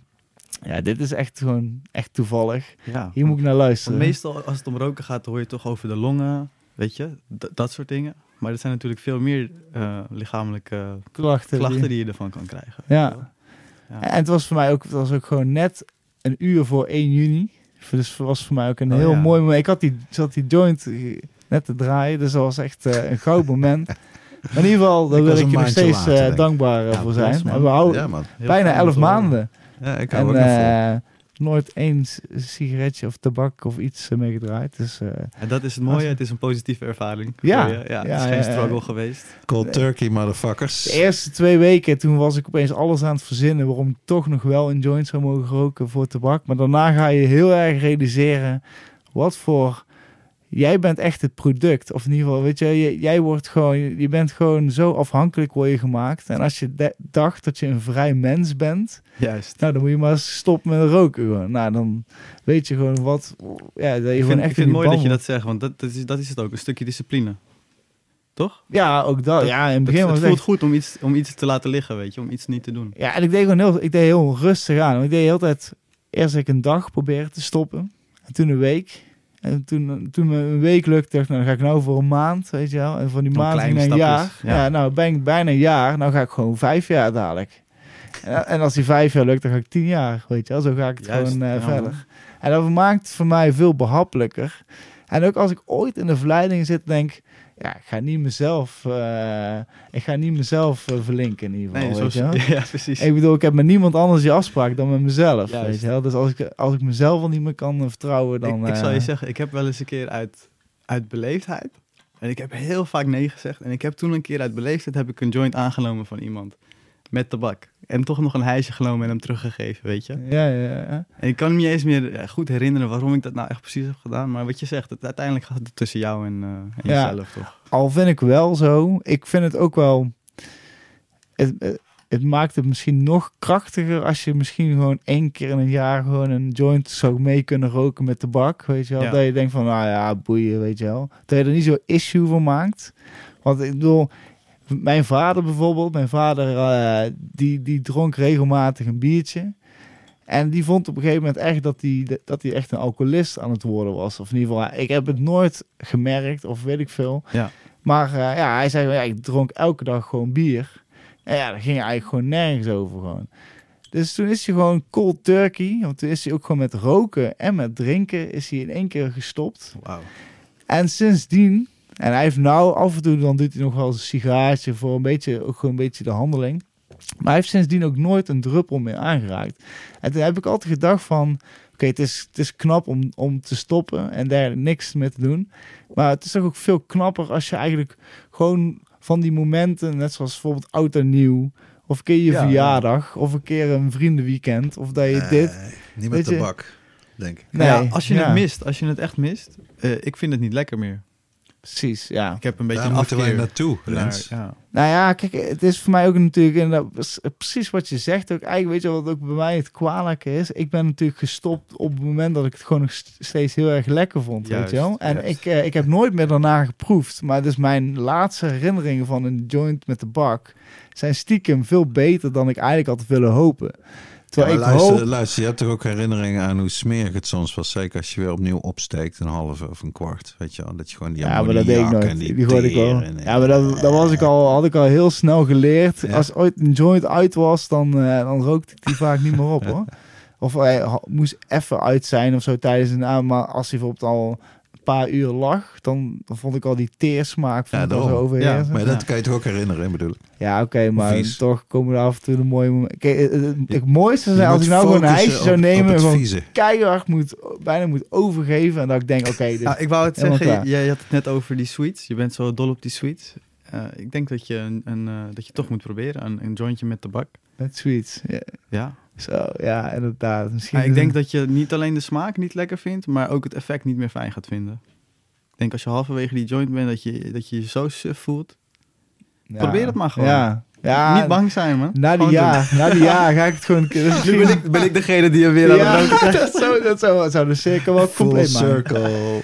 Maar ehm, in ieder geval, dat, eh, dat wilde ik even gezegd hebben. Laten we gewoon even terug, in, back. de, terug Take in de tijd nemen. Toen je nog een kleine Runa was. hoe ben je opgegroeid en eh, eh, hoe was je eerste aanraking met eh, cannabis? Ja, kijk, ik ben, eh, ik ben in Nieuw-Vennep opgegroeid. Klein dorpje eh, eh, in de, ja, hoe zeg je dat, vlakbij Amsterdam, bij Schiphol in de buurt. En ehm, ik heb daar eh, een hele vrije opvoeding gehad. Mijn ouders die komen uit Iran. Die zijn gevlucht uit Iran. Toen de, tijdens, de, tijdens de revolutie daar, heel veel mensen zijn toen de tijd uit Iran gevlucht. En juist omdat zij eh, een beter leven wilden, hebben ze mij heel vrij opgevoed. Een beetje, ik, ik, heb, eh, ik heb een oudere broer, een oudere zus. En we hebben alle drie echt een hele vrije opvoeding gehad. En ik denk dat mijn broer al heel vroeg, tenminste voor mij is dat natuurlijk vroeg, hij is ouder dan mij. Een stuk eh, vier, vijf jaar ouder dan mij. eh, dat ik hem heb eh, zien blowen. Dat ik het, heb, dat ik het rook, de geur ervan. En die geur die trok mij al aan, raar genoeg. Hasje of wiet? Wiet. Oké. En ik, ik, ik, heb, ik herkende die geur. Ik ben later vaker, als ik met, met mijn ouders op straat liep. En dat is denk ik dat ik een jaartje of 12, 13 was. Dat ik mensen, dat ik het rook. Dat mensen aan het blowen waren. En dat ik die geur zo fijn vond. En heel grappig, toen de tijd vond ik een hele vergelijkbare geur met koffie. Ik heb Ja. die link altijd heel erg gehad tussen koffiebonen Gewoon die eh, lekkere en aroma. Ja, Heerlijk, ja. Ja. Uiteindelijk, eh 15, 16, eh, middelbare school ben ik gaan, eh, gaan blowen. Vriendjes die, eh, die af en toe een stikje aanbieden. En dat ik dan één of twee hijsen nam. En met tabak dan, neem ik aan. Ja, altijd met tabak. In Nederland is dat natuurlijk eh gewoonte. Bizar, hè? Ja. Maar ga door, want dan komen we zeker nog bij dat moment. Want dat vind ik toch wel interessant. Maar Ja, en ik ben... take it slow. Ik, ik, nou ja, als, je, als ik jullie een eh, verhaaltje mag vertellen. Maar allereerste echte joint ben ik helemaal bad gegaan. En ben ik zelfs in het ziekenhuis beland. Oh, wow. Ja, ik, eh, we hebben toen eh, als 17-jarige jochies hebben we voor een koffieshop gestaan. Hebben we een jongen gevraagd of hij wiet voor ons wilde halen. En eh, wij konden niet eens draaien. Dus we vroegen aan hem of hij wilde draaien. En die heeft het hele zakje, eh 6, 7 euro, heeft hij in één joint gegooid. En ik, ik weet niet of die misschien ook wel puur was toen de tijd. Oké. En ik, eh, ik wilde heel stoer doen. Dus eh, we waren met twee andere vrienden. En eh, van hun, ik heb hun twee huizen gegeven, allebei. En die, die wilden gewoon niet meer. En ik, ik ging heel stoer de rest van die joint oproken. ja, dat ging niet goed. Ik heb, ben uiteindelijk heb ik, staan kotsen. voor een eh, makelaarkantoor. En die heeft politie gebeld. Er is een politieagent gekomen op een motor en die, die zei, wat is met jou aan de hand? En ik zei, ja, ik heb een jointje gerookt. En die zei, ja, maar je kan je ogen niet eens open houden, weet je. Laat me even je, je hartslag checken. Nou, die checkt mijn hartslag en die belt een ambulance. En, eh, Oh. Want had je, weet je nog bijvoorbeeld of je eh, niks had gegeten tot dat moment die dag? Of ja, ik had dat dus, ik, dat was dus inderdaad het probleem. Ja. Later leer je dat soort dingen. Ik, Ja. had, ik, had, ik had niet voldoende gegeten. We hadden, we hadden helemaal geen eten of drinken bij ons ook. En eh, Dat zijn belangrijke dingen. wat wij gingen doen, we hadden net die joint opgerookt. En een van mijn vrienden, die, ja, hun zijn al helemaal high. En die zegt van, oh joh, je moet, eh, je moet eens proberen te rennen. en hij gaat rennen en eh, hij begint te lachen, weet je. Nou, ik, ik probeer te rennen en ik voel me ineens heel zwaar. En toen zei ik tegen hun, ik moet gaan zitten. En Ja. daar, nou, ik ben gaan zitten, ik begin te zweten. Ook in het zonnetje, weet je wel, lekker weer. En ehm, ja, ik ben een beetje bed gegaan daar.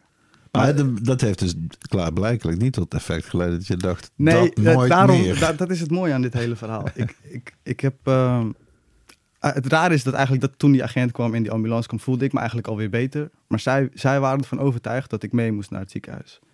En eh, ik had niks te zeggen. In principe, weet je, ik was Wauw. 17 en eh ze zeiden gewoon, je gaat mee. Nou ja, ik, was, ik maakte me alleen maar druk om mijn ouders. Ik wilde niet mee. Uiteindelijk, eh, mijn ouders hebben me opgehaald in het ziekenhuis. was helemaal niet zo erg een probleem. En ik kom thuis en ik kijk in mijn broekzak en ik vind nog, nog het zakje wiet. Er zit nog een beetje wiet in. En in mijn hoofd zie ik mijn twee vrienden die een hele goede tijd hadden. Terwijl ik daar aan het kotsen was, hadden hun lachkick. Die zaten met z'n tweeën te lachen. En ik dacht alleen maar bij mezelf van, nou, hoe kan het nou dat ik zo'n slechte ervaring heb? En ik weet waarom. Omdat ik zo stoer die hele joint op heb gedaan. Precies, met mate. Hè? Dus ik heb een andere vriend van mij gebeld waarvan ik wist dat hij blode. Ik heb hem gevraagd om naar me toe te komen. Hij heeft een jointje voor mij gedraaid. Ik heb twee huizen genomen en ik heb gezegd, je mag de rest hebben. en eh, nou, dat was heel chill. Ik voelde me super chill, weet je. En eh, ja, heel absurd. Dat na die hele ervaring met het ziekenhuis en ik was super gestrest, weet je, vanwege ja. mijn ouders en alles. Omdat ik toch dacht van, nou ja, ik, hun hebben een goede ervaring gehad. Ik, ik kan dat ook. En dat is gebeurd. Ik had een goede ervaring. En toen ben ik eigenlijk nog niet eens direct daarna echt gaan blowen. Dat is misschien een jaar daarna gekomen. Weet je, langzaamaan is dat gebeurd. Dat ik echt een vaste blower, dat ik dagelijks ging blowen. Tot je leert draaien. Ja, precies. Dat je tot, leert tot, draaien. tot het moment dat je leert draaien in ieder geval. Maar het is alsof ik eh, heel vastberaden eh een blower wilde zijn. Aha. Ik wilde het heel graag proberen. En je denkt dat het- wat je zei, dat dat vooral ook met je oudere broer te maken had misschien. Ja, ook wel. Zeker weten. Maar in, in mijn omgeving was het ook... Het is een klein dorpje. Hè? Er is niks te doen. Dus eh, heel gauw... Dat helpt. Ja, heel gauw is dat iets wat de jeugd gaat doen, weet je. Er zijn, we hadden dealertjes toen de tijd in de buurt. Dus dan is wiet is heel makkelijk te krijgen, ook als je minderjarig bent, weet je. Aha. En ja, dat is, eh, dan wordt dat eigenlijk je bezigheid. Je hebt, je hebt weinig te doen, dan ga je maar een beetje blowen en voetballen de hele dag, dat soort dingen. Ja. Weet, je, weet je nog toevallig wat voor wiet daar wel, wat, voor wiet het was? Wat je voor de eerste keer? Of, Ik denk, ik denk een White Widow. Ja, die ik, mo- kan, ik kan me zoiets herinneren dat ik ook daarna nooit meer een White Widow wilde Mm. roken. Dat ik wist dat dat een White Widow... Dat ik Ja, hij ik heeft ook wel reputatie natuurlijk toch. Ja. dat je dacht, eh, doe mij maar gewoon... eh doe mij Ja, toen kwam, toen, die, die tijd kwam de, kwamen de dieseltjes. Er kwamen allemaal gekke soortjes uit, weet je. En, eh, bubblegum en eh, dat soort dingen. Klopt, Ja. klopt. Bubblegum was een van de vroege, is een nieuwere soort, heb ik altijd het idee. In Ja. Amerika meer zoeter. Ja, Oranje, ik moet wel zeggen, toen ik, toen ik in het begin dacht... De, van, toen, toen ik voor de eerste keer Skittles zag, dacht ik bijna, oh, die is gewoon vroeger met een bubblegum-achtige kruis. Omdat Ja. die ook allemaal van die compacte kleine Ja, topjes ja, vaak ja, had. Zoals bubbel, ja. Ik dacht altijd, misschien heeft het ooit... eh, maar eh, dat, zal, dat zal helemaal niks mee te maken hebben. Maar jij bent gewoon lekker gaan blowen. Ik ben heel veel hees gaan roken. Ja, dat zal wel. Toen eh, op mijn, weet ik, op mijn twintigste ergens, is een van mijn vrienden heeft mij een shoreline joint gegeven. En toen is alles voor mij veranderd. Van de Green Place. Ja, ik weet niet Ja. waar hij het vandaan had. Dat is van Devil's Harvest Seed. Ja, ja, ja. Oké. Nou, ik, ik, ik geloofde niet dat het wiet was. Ik zei, wat zit hierin dan? Hij zei, nee, dit is gewoon wiet. Maar wat is het dan? Haze? Is het eh kush? Is het... Nee, dit is shoreline. ja, maar wat betekent dat, weet je? Ik begreep er niks van, man. En- Nou, want, leg hem eens uit. Weet je Ja, ja? Wat soort kruising is die Ah, shoreline? het is een skunk. Het is een skunk, ja. Het heeft, het heeft iets weg van een skunk. Ehm, heel zoet, maar het, het, het, het proeft bijna naar berries. Blueberries, zeg nou ja, maar. dat, ik denk ook aan Sherbert. Ik vond dat een- naam. Ja. Ik vond dat een kassensmaak hebben. Juist, cassis, ja. Ja, Ja. dat vond Ja. ik altijd... Dat is ook eh, heerlijk. ik, eh, Zwarte bessen. Ja, dit- er zit wel een heel verhaal dus achter de shoreline in Nederland. Hè? Dat, Ja, met, eh, met Karma Genetics en eh, Devil Harvest Seed. Het is schijnbaar een, een skunk. Uh-huh. En eh, die is uiteindelijk door Devil Harvest Seeds... eh, hebben die zaden, weet ik veel hoe dan Uit, uit ook... eh, Texas, toch? Als het goed is, komt het uit Texas. Is, dit, is dit een eh, strain die uit Texas hier zou goed kunnen. Zou goed kunnen. Maar het is in ieder geval wat ik toen heb gehoord, is dat het inderdaad gewoon een, een skunk is. En daar een fino van, van een bepaalde skunk. En eh, dat die uiteindelijk weer gevonden is door Devil Harvest Seeds ook weer. En dat ze die populair hebben gemaakt. Maar ik moet inderdaad, wa- wat je zegt, ik, eh, ik, ik ben toen ook bij de Green Place, heb ik toen die eh, shoreline ooit gevonden. Dat was een beetje de tijden van de Cannabis Bevrijdingsdag eh, tijden. Mhm. Dat ik toen in Amsterdam eens ging om wat wiet te, te, te scoren. En dat ik ook echt helemaal ver, verbl- Ja, ik was gewoon van, van mijn sokken word je afgeblazen. Wat voor smaak eraan zit. En ik ben er toen zo fan van geworden. Dat ik die gewoon, gewoon zoveel heb gerookt. Dat ik daar gewoon, dat ik die nou dus niet meer Niet kan meer. roken. Ja, hetzelfde verhaal. Ja. Ik heb Dat- dat, dus ook. Ja. Dat is zo jammer eigenlijk. Hè? Dat maar is- dat, dat doe ik met heel veel soortjes. Kijk maar uit met die sweets, dat je dat niet... eh, ja, nou, maar, maar, nee, maar jinx it. Nee, Ja. maar die sweets, die heeft wat meerdere lagen, weet je wel. Die heeft dat sour, maar ook een beetje wat meer... Hoe lang rook je hem nu al? Toch al eh, twee jaar of zo. Oh, oké. Nee, ja. Ja, en, en bijvoorbeeld een orange. Ja, Tangy, hè, daar ben ik ook helemaal... dat is eh, ook weer een, een dingetje. Dat, dat was ook dat... eh, ik heb toen eh, de Fino Lab leren kennen. En eh, hij had toen de, de Blood Orange. Ja, die was echt Ja, waanzinnig. Extreem. Echt waanzinnig. Ik was daar zo verliefd op. Ik vond het ook heel lekker. Dat ik hem bij zijn lurven had gepakt en ik zeg, jij komt niet weg voordat ik eh, gewoon een onsje van die eh Blood Orange kan overkopen.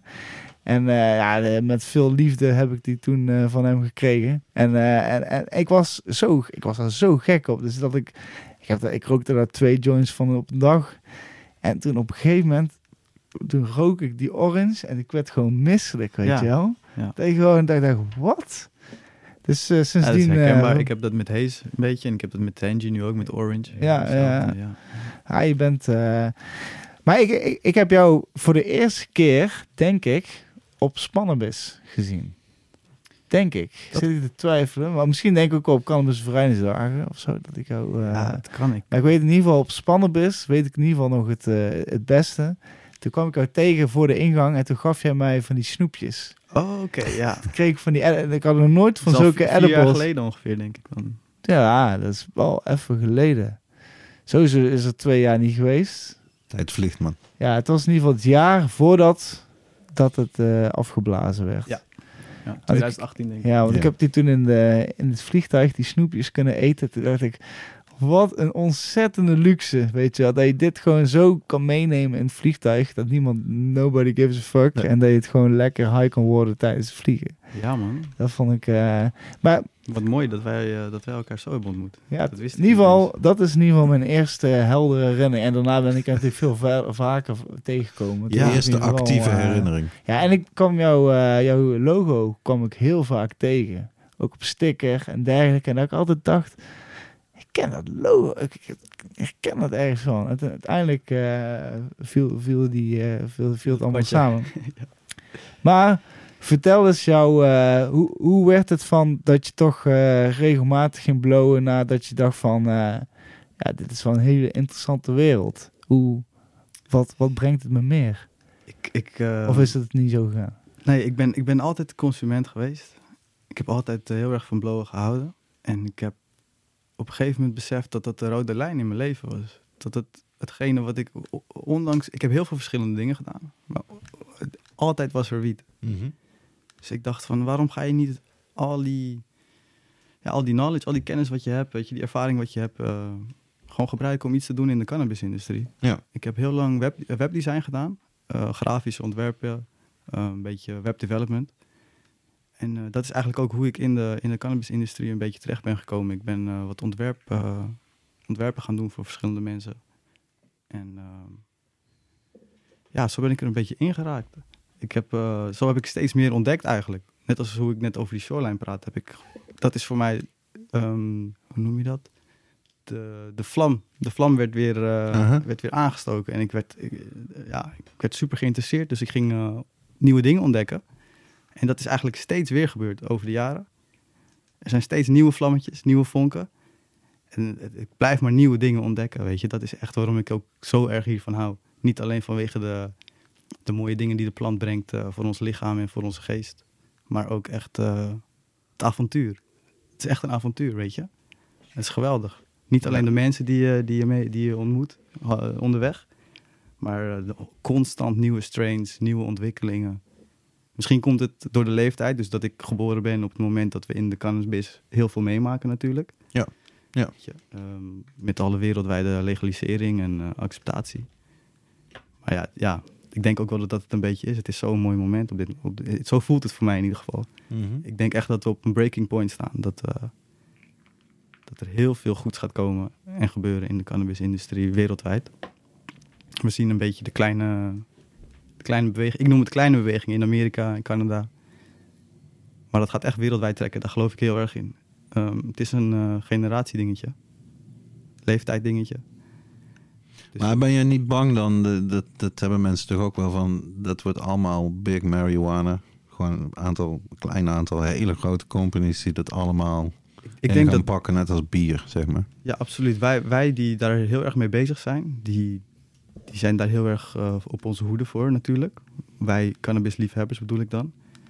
Of misschien zelfs mensen die een beetje in de industrie zijn. Maar als consument eh, ben je daar niet echt mee bezig. En ik denk dat het uiteindelijk om de acceptatie van mensen wereldwijd gaat. Ehm, als, jij, als jij straks eh, dat plantje gewoon ergens kan kopen... of het zelf kan groeien zonder dat mensen daar eh, negatief naar kijken... zonder dat dat een taboe is, dat is voor mij belangrijk. En hoe dat precies, wie daar aan verdient en zo, maakt dan minder uit. Nou ja, kijk, dus dat er mensen op. Hoe dat jij nu bier mag eh, brouwen in, jouw eh, in jouw eigen huis. Als jij de goede setup daarvoor hebt. En dat niemand jou dan lastig komt vallen. Klopt, ja. Dat is wat ik wil. Dat, dat, dat Ja. dan Heineken zijn ding doet, is prima. Laat Heineken lekker zijn ding doen. Maar mag ik dan ook gewoon mijn biertje brouwen, weet je wel?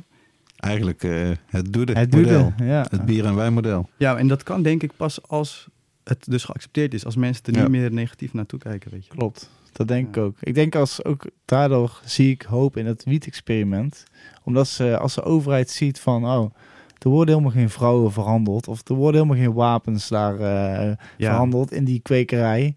Oh, het is maar gewoon een plantje en het gaat van A naar B. Ik denk dat het dan een stuk relaxerder wordt om erover te praten. Dan dat, dan, dan dat eerst ze de thuistelers gaan legaliseren en dat ze daarna gaan professioneel.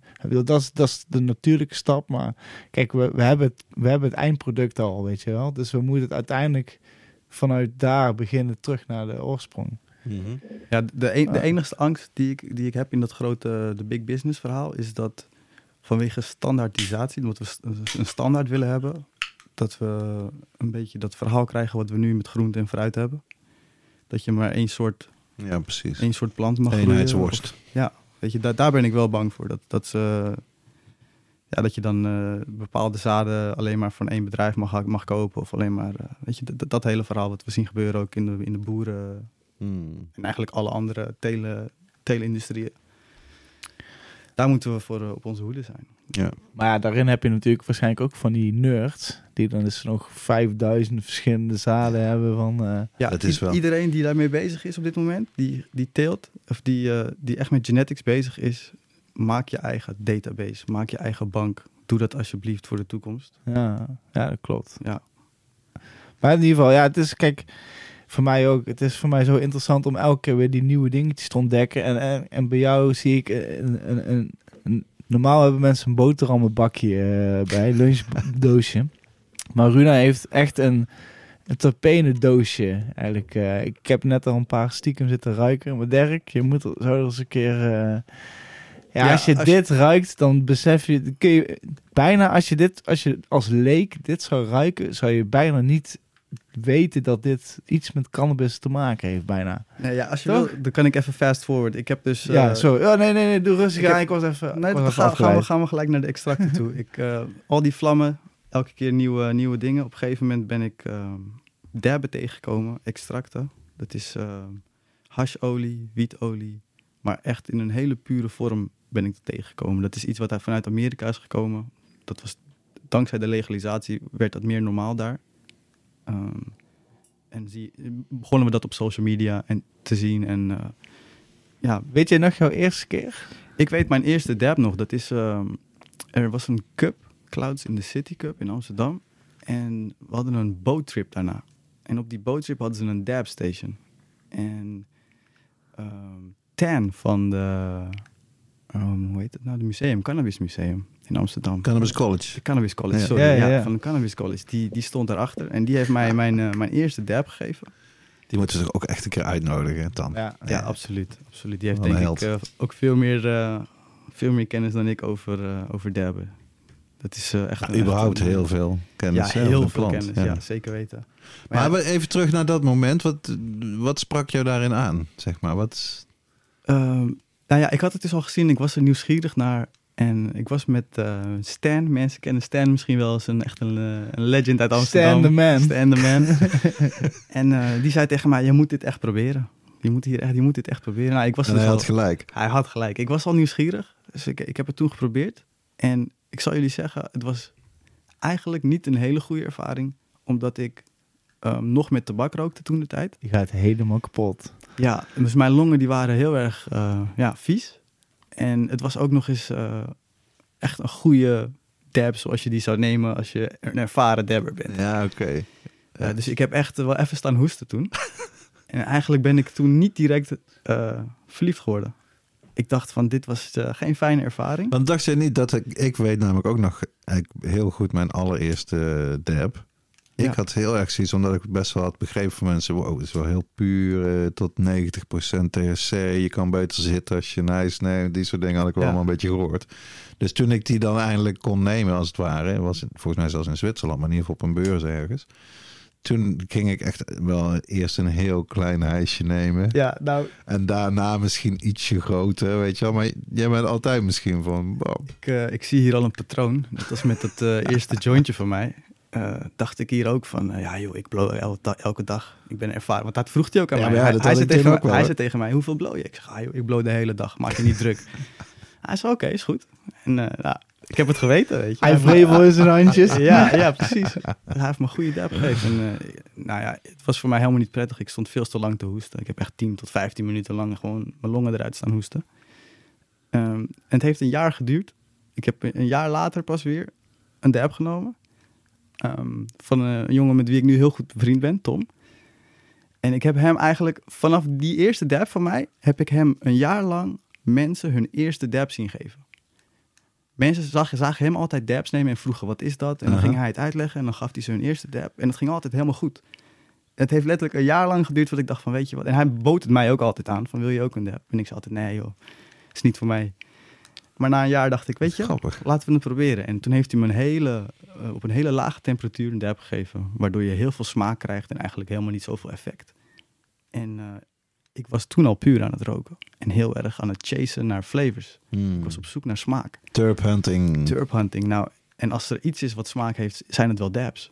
Ja, want dat vind ik altijd wel met dabs, als ze goed gemaakt zijn ook. Als jij houdt van cannabis en je ruikt daaraan.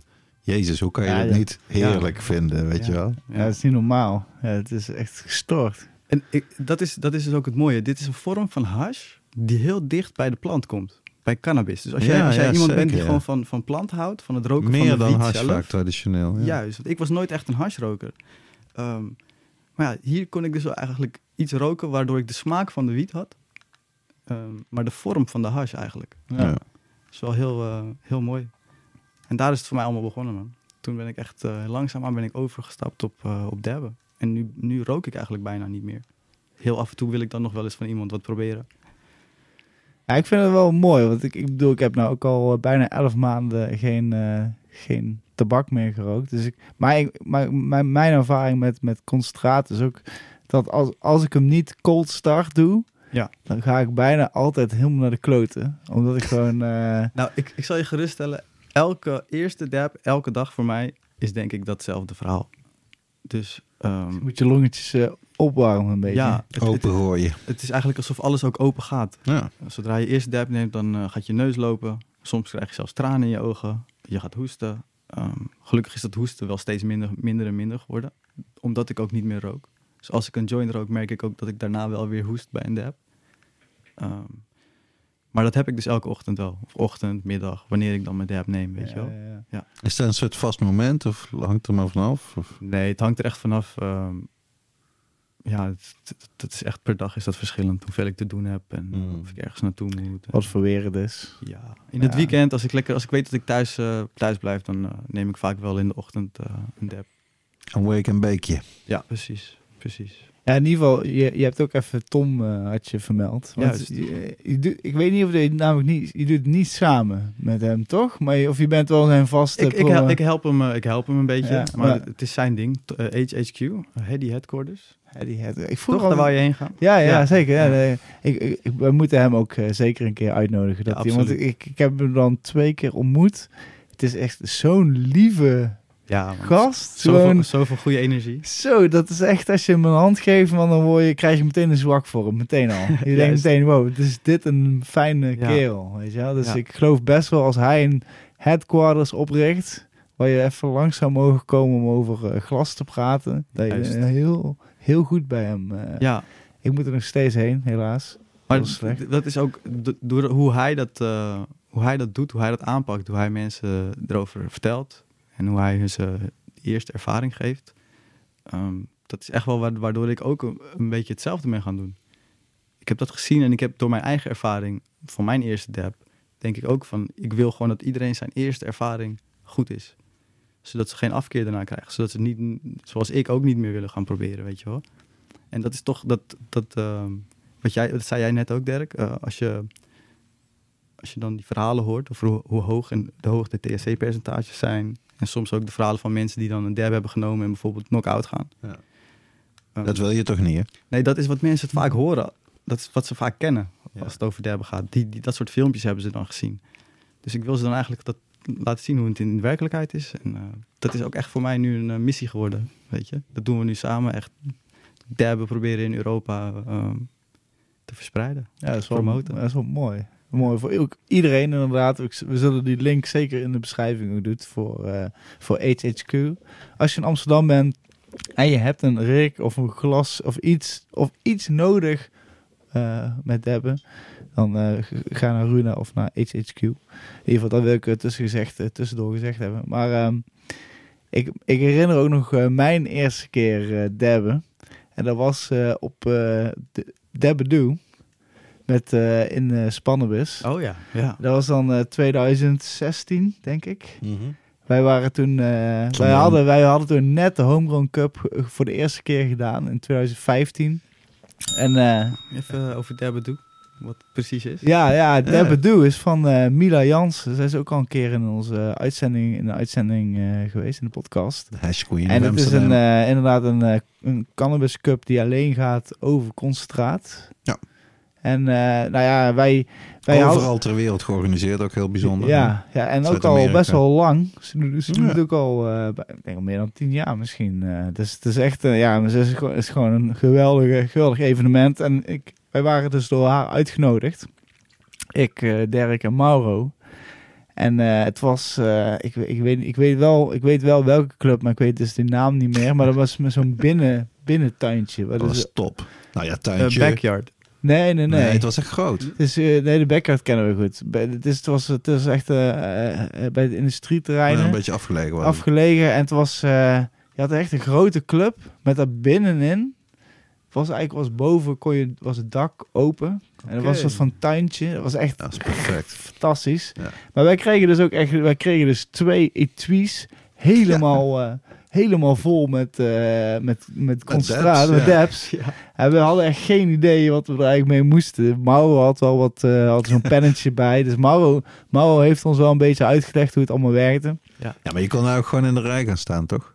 Ook Letterlijk. dat, ook Iemand dat. Die zei, het moet zo. Ja, het was echt eh, bizar. Ja, lachen man. Maar ik weet nog wel dat ook daarna, die dagen daarna, gingen we dus naar clubs. En konden we er zo'n eh, lenen, vaak van die clubs. En wij kon- debben. Maar ja, wij, ja, veel te warm natuurlijk. Dus ik, ben, ik, ben eens, ik heb toen die hoesbui gehad. En het ergste nog eens, achter Dirk en Mauro hing een klok. Dus ik wist gewoon wanneer ik begon met hoesten. Juist. En wanneer ik klaar Ja. was. En wat je zei, een kwartier, Kwartier lang. lang, ja. Nou jongen, ik dacht dat ik gewoon niet meer ging stoppen, weet Ja. je wel. Ik werd er gewoon bijna bang van. Ja, ik denk als je ook ademhalingsproblemen hebt gehad ooit in je leven, dat je dan echt een paniekaanval krijgt. Zo, ja, gebeurt. ik moest Ja. mezelf ook wel echt... eh, en ik dacht echt, nou, dit, dit is gewoon, dit is toch niet normaal, weet je wel. Waarom zou je dit willen? Ja, want eh, ik, dacht- nee, ik dacht meer van zo, je moet hier echt getraind voor zijn, weet je wel. En ik wist echt wel, want ik zag al die gasten kei dikke dabs nemen, hebben gewoon nog geen, nog geen hoesje erbij, weet je wel. Dat ik dacht, oké, ik doe echt iets fout. Maar ik dacht wel daarna wel van, eh, ja, nee, dit is eh, niks voor mij. Niks voor ik mij. blijf maar bij die jointje, weet je wel. Maar ik moet wel zeggen, toen wij die, eh, toen wij naar huis gingen, en toen wij, we hadden nog gewoon, wat, nou, we hadden echt een paar maar van op, maar we hadden er keiveel over. En zijn bij die, in die spannen, in die clubs alles uitgedeeld. gek. Ik voelde me echt Sinterklaas. Oh ja, iedereen. mensen geven. Ja, ik heb in de hele tijd de laatste dag hebben we alles weggegeven. En er waren echt 40 potjes of zo, dus daar kun je best wel wat mensen blij mee maken. Dus, eh, En zelf gewoon nog zoveel mogelijk toch gesampled. ah, zeker weten, zeker weten. Maar dit is misschien ook wel een mooi moment dan. eh, het komt wel een beetje, maar wat zouden jouw, jouw, jouw tips zijn voor iemand die dabben gaat proberen en alleen nog maar van heeft gehoord? Zeg maar. Ja, als je dus niet iemand in je omgeving hebt die, eh, die, het, die je wat kan, eh, over kan leren of het voor je kan, eh, kan doen, dan zou ik je adviseren om met een elektrische vaporizer te beginnen. Er zijn een aantal op de markt. Ehm, ja, waar je specif die specifiek gemaakt zijn voor olie. Ja, je hebt de Butterfly, volgens mij. Of hoe heet die nou? Ik heb, ik heb zo'n... zo'n Nou, je, je, hebt, in- je hebt de Pavco Peak. Dat is, dat is Ja. echt een, een, een wat groter device. Maar je hebt bijvoorbeeld zo'n pen, wat je, die Maro ook heeft. ja, eh, de Pavco Plus, bijvoorbeeld. Er zijn een aantal bedrijven, Dr. Dabber. Ja, ik kan, als, je, als je vragen hebt, kan je mij ook altijd een berichtje sturen. Ik, ben, ik, ik, ik zou heel graag, eh, want dat is wat we dus doen. Als mensen vragen hebben, dan sta ik ze heel graag te woord. Mhm. Dan leg ik ze ook eh, uit.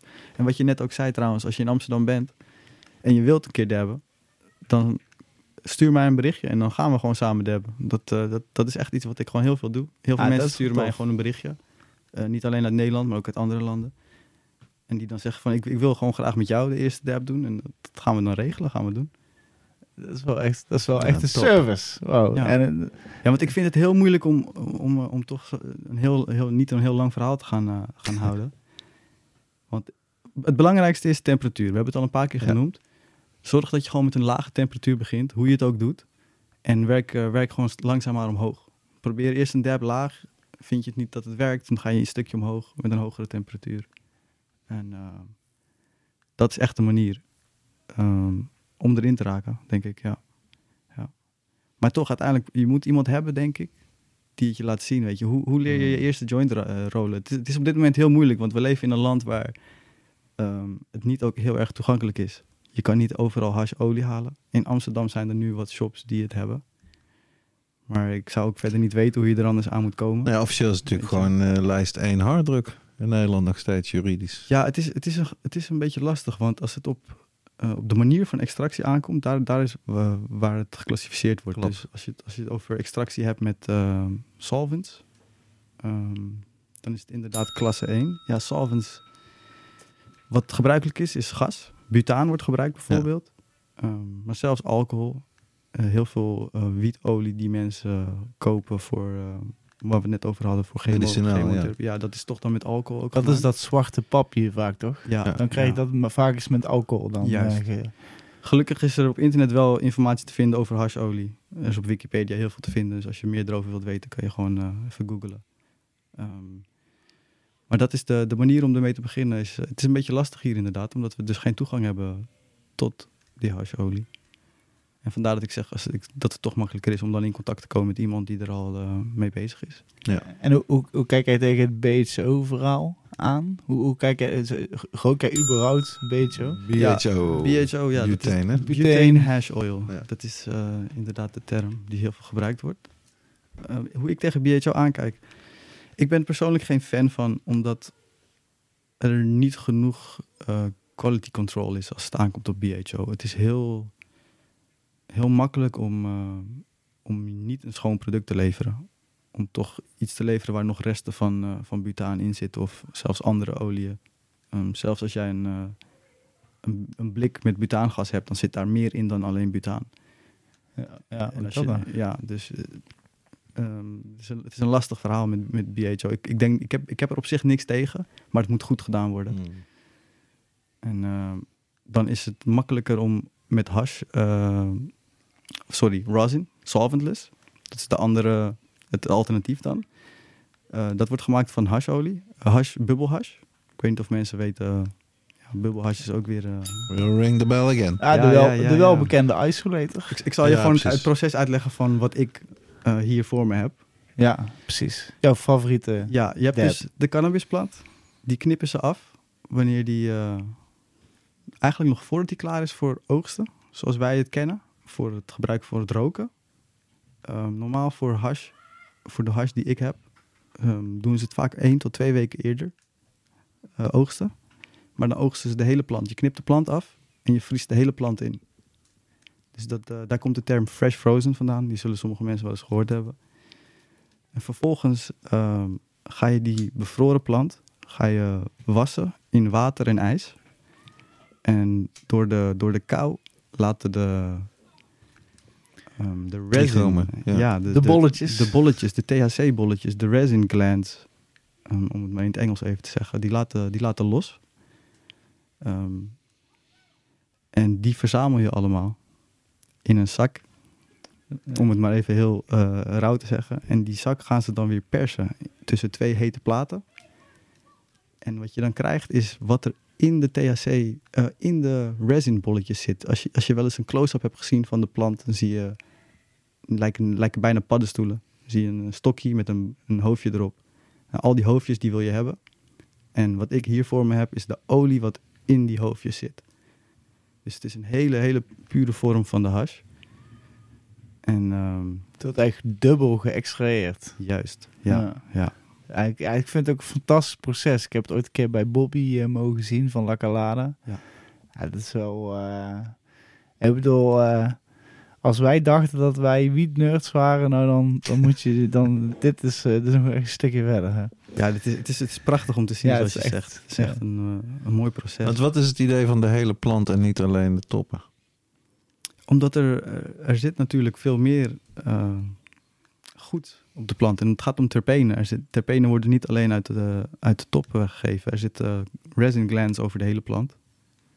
En ehm, ja, full spectrum. Je wilt, eh, je wilt zoveel mogelijk van de plant wil je hebben. Hoe jij het filtert is uiteindelijk met de zakken. Er worden verschillende micron eh, zakken gebruikt. Voor de mensen die, bekend zijn met eh bubbelhash. Ehm, daarmee kan je filteren wat je wilt hebben van de plant. Dus natuurlijk filteren ze bepaalde delen eruit. Er zijn heel veel plantmateriaal wat je niet wilt hebben. Wat ik net al zei, je wilt echt eigenlijk puur de hoofd, hoofdjes hebben. En die vang je vaak tussen de 70 tot de 120 micron. Eh, dat zijn de hoofdjes die je wilt hebben voor, eh, voor de kwaliteit rosin die wij, die wij hier eh, voor ons hebben liggen. Ehm, ik ben zelf geen extractor, dus ik ben niet heel bekend met alle details. Maar over de, over de jaren zijn mensen zich gaan specialiseren in welk moment van oogsten en welke micron ze nodig hebben voor de meeste terpenen, maar ook voor de stabiliteit zodat je eindproduct eh, niet heel snel degradeert. Want dat is iets waar ik me echt eh, heel erg over verbaas. Dat sommige van deze producten toch wel heel erg goed ehm, met de tijd meegaan. Ehm, terwijl het zo... Anders dan bloemen eigenlijk. Ja, maar terwijl het zo'n gevoelig product is. Mhm. Weet je? Ja. Want dat vraag ik me ook af. Als je die, eh, al die verschillende potjes die we hier op tafel hebben staan, je ziet ook echt verschillende kleuren. Waar zit hem dat in dan? Ja, net als met de plant is toch... eh, het verschilt per plant, maar ook eh, de, de periode. Dus hoe, ehm, hoe droger een plant is, laten we zeggen... als die langer gekuurd is, wordt die donkerder. Uh, vandaar ook dat ze hem iets jonger vaak willen oogsten. Dat is ook iets, het heeft ook iets te maken met kleur, maar ook met terpenen. Er zijn bepaalde terpenen die je alleen kan vangen ehm, in een bepaalde periode. En als je zelf wel eens een plant hebt gegroeid, dan, dan, dan ben je bekend met de verschillende geuren die die, die, die Klopt, planten maken.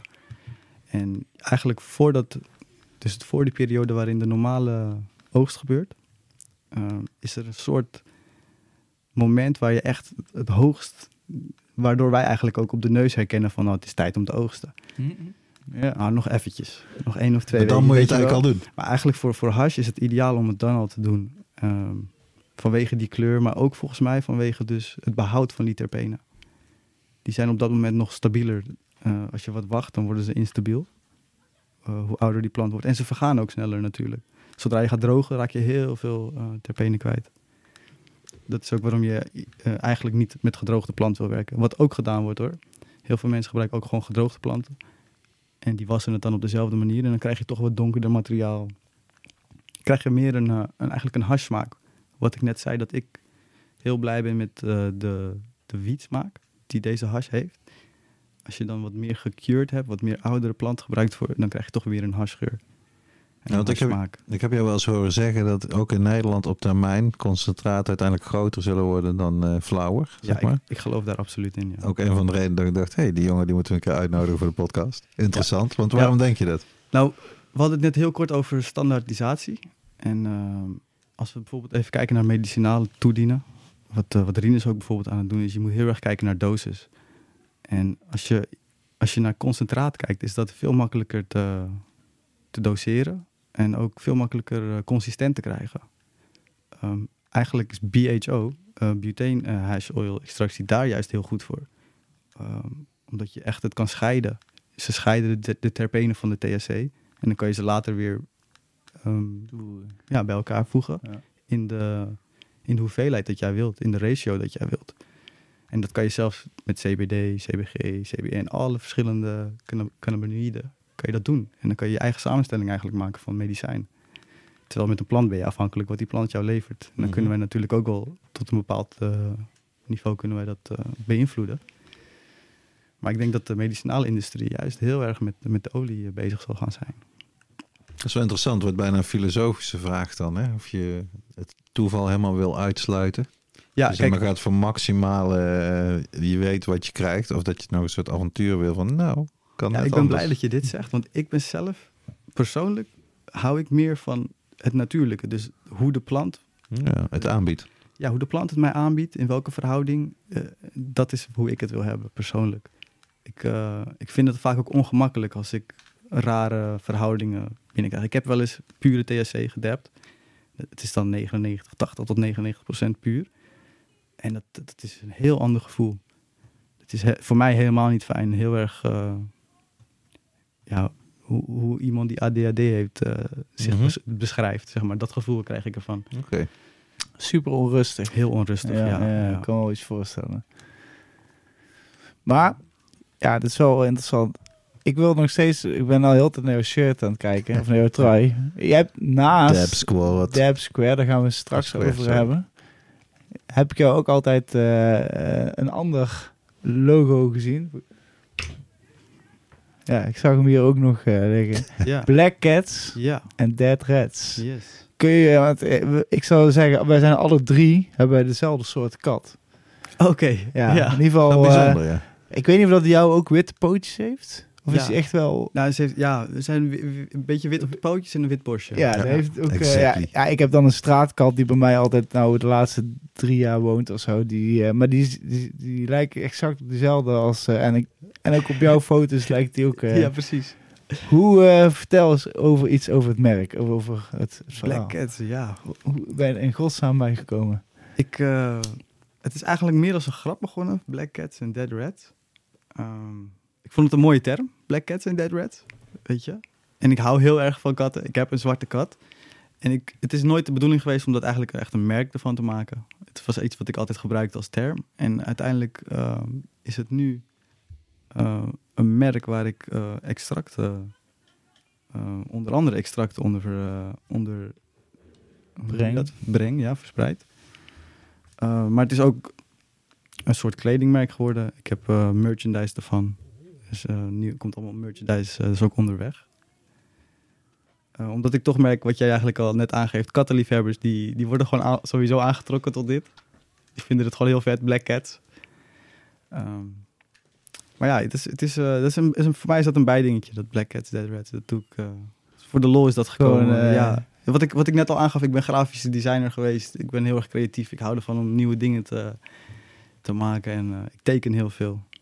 Dus is eigenlijk een beetje met tekeningen van katten is dat begonnen. En mensen werden daar enthousiast over. Heb ik een Instagram page gemaakt. En dacht ik van nou, misschien ga ik maar wat kleding maken. En, eh, Ah, dat- ah, ik, ik kan het ook een beetje vinden. Ik, bedoel, ik ben ook ontwerper of een beetje zo begonnen. ja, Dus het is heel vaak als je gewoon een idee hebt, kun je het ook gewoon voor de grap even iets verder uitwerken. ja. En dan wordt het opeens van een grappig idee, wordt het gewoon echt een, dingetje. Wordt het opeens iets, ja. Inderdaad, met stickers en een dingetje. Ja, ik kreeg zoveel en, de eh, vraag van je moet het op een shirt zetten. Dat ik dacht van oké, nou misschien moeten we dan toch maar eh, wat mee gaan ik, vind, doen. ik vind het ook wel een mooie tag die je gewoon ergens kan neerzetten. Weet Ja, je wel. Mensen het zo. En niemand kan er eigenlijk problemen mee hebben, weet je wel. Met Black, black Cats en eh, Dead Reds. Bedoel, Nee. heeft daar een aan? Ja. Maar, ehm, maar goed, de Dab Square.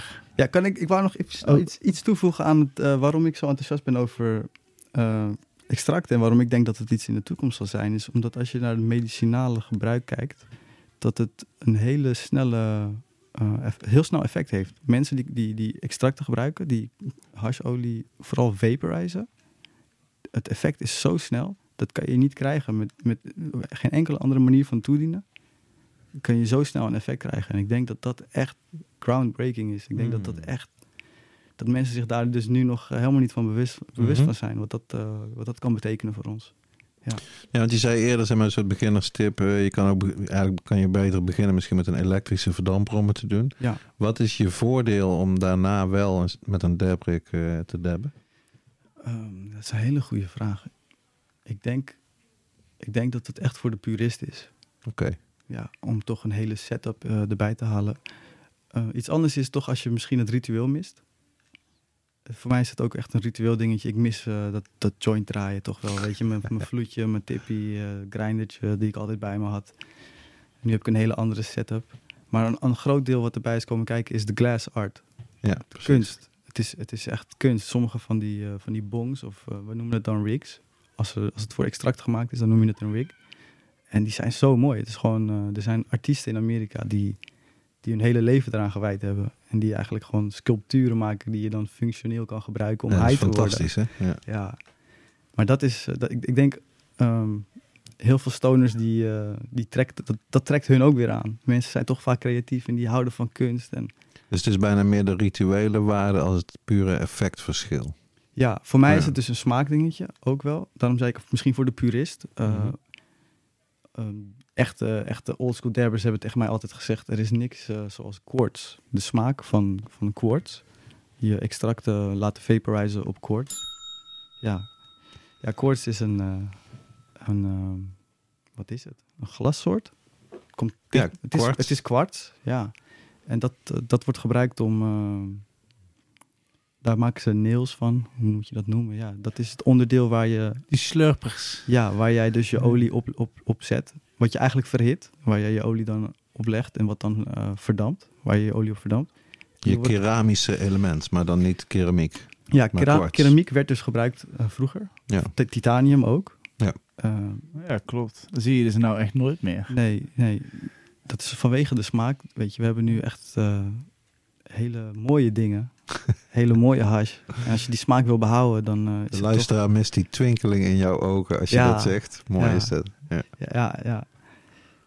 Maar daarom eh, zie je nog steeds heel veel toch wel dab rigs. En ehm, dus mensen die een hele setup hebben met een, eh, hoe noem je dat, een, eh, een torch in het Nederlands. Gasbrand. Ja, een precies. gasbrander, ja. Zo'n ja. hele grote gasbrander mee hebben en eh, dat hele verhaal. Ik denk dat dat wel eens tegenhoudt nog extra in Nederland. Dat mensen dat gewoon te shocking uitvinden zien met zo'n grote Ja, vlam. absoluut. Weet je wel? Absoluut. Ja, het is ook een beetje soms onhandig om in een drukke koffieshop of zo. Dat je dan, eh, want dat was ook bij de Tourmalijn. Zonder iemand zeg maar, in effect te steken. Ja. mogelijk. Ja. Ja, ik wou zeggen. Moet je niet hebben. En wa- wat hierin meespeelt, meespeelt is onze cultuur. Wij hebben geen glascultuur. Klopt, in, in Amerika Bong is ook niet. is, is een bong heel normaal natuurlijk. Ja. en ik ja. denk als ik, als ik hier eh, een bong op tafel zet in een koffieshop, dat dat, dat ook... Het is, het is wel normaal, maar minder normaal dan een jointje natuurlijk. Ja, klopt. En dus dat is ook het verschil hier. Mensen zijn glas nog helemaal niet gewend. Ehm, ja. In Amerika heeft iedereen zo'n setup, man. Iedereen heeft een eigen pijpje mee, een eigen bong mee. En, eh, Ja, ik, ik vond het wel. eh, Ik heb er ooit een keer ook voor de grap in zo'n kolompje over geschreven, volgens mij, over de stepping stone theorie. dat eigenlijk het eigenlijk bij ons wel ook gewoon klopt. Ik bedoel, ik begon eerst met een pakje peuken en een eh, tippie en een uh, sigaret of een peuk of hebben eh, vloeitjes.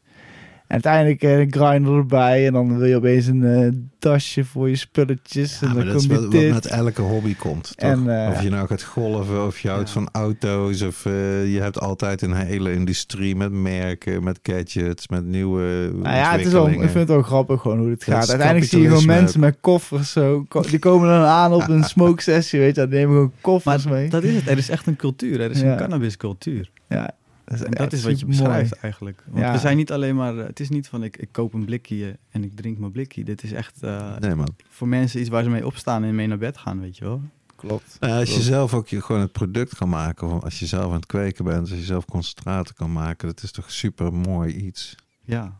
Het is- heeft iets super puurs. Alleen al het feit hoeveel mensen rondlopen met eh, kleding waarop eh, iets met cannabis staat. Ja. Dat, waar, waar, waar- waarvan zie je dat nog meer? Je ziet, ja, je ziet niet mensen met hun biermerk lopen, weet je. Misschien dat ze dan toevallig hebben gehad van ergens. Maar het is niet Ja, van ik ga een shirtje kopen waarop staat... eh, eh, weet je wel? Ah, Jack Daniels heeft misschien nog een... Ja, maar mensen laten heel graag zien dat ze, dat ze wiet gebruiken. Het is ja, toch wel een dat dingetje. gek, hè? En dat zijn vaak de mensen die dan geen wiet gebruiken. Die niet Ja. helemaal gek Ja, zijn. ja, precies. Nee, het is, het is een heel mooi... Ik, ik kijk, ook als je, als je zo ziet inderdaad jouw, eh, jouw collectie. Ik heb een paar dingen zitten, zitten ruiken. Ja, het, is, het is gewoon next level allemaal. Gewoon. Ik bedoel, deze smaken die, die vind je bijna niet in wiet. En het valt me ook heel erg op dat vaak wiet die dan geëxtraheerd wordt, dat dan die olie vaak lekker kan smaken. Terwijl je die ja, wiet ook helemaal niet kon roken. Dat is natuurlijk pa- eh, papaya bijvoorbeeld. Ik heb die keer puur gerookt en ik vond er echt helemaal niks aan. Terwijl de hars is echt gestoord. Ja. Of banana. Of, Ja, dat is eh, wel vet ook, dat je dus mensen hebt die nu puur eh, aan, aan het hunten zijn, uh, fino-hunten zijn naar strains voor hash, hashplanten. Ja, eh, eh, En dat is wat je zegt, die zijn misschien helemaal niet lekker om te roken, maar Ja. eh, voor hash zijn ze ideaal. en ze brengen veel op. ja, ja. Ja, dat is zo. Ja, ik denk, eh, ik denk dat het met de wiet-experiment dat er wel ook wat eh, bijzondere hars aan gaat komen. En ik denk dat dat ook wel eh, laat zien wat voor, wat voor hars. Ik bedoel, uiteindelijk de hars wat we nu allemaal gewend zijn om te roken is vaak oude, gekeurde, bruine, zwarte hars. Ja. Terwijl dadelijk krijgen we gewoon hars wat gewoon mooi wit is. Of mooi blond. En waar de smaken van de bloemen nog helemaal in zitten en dergelijke. Dus ja, daar gaan zulke mooie dingen aankomen. Ja, precies. Dat is het mooie als je echt producten mag maken. hè.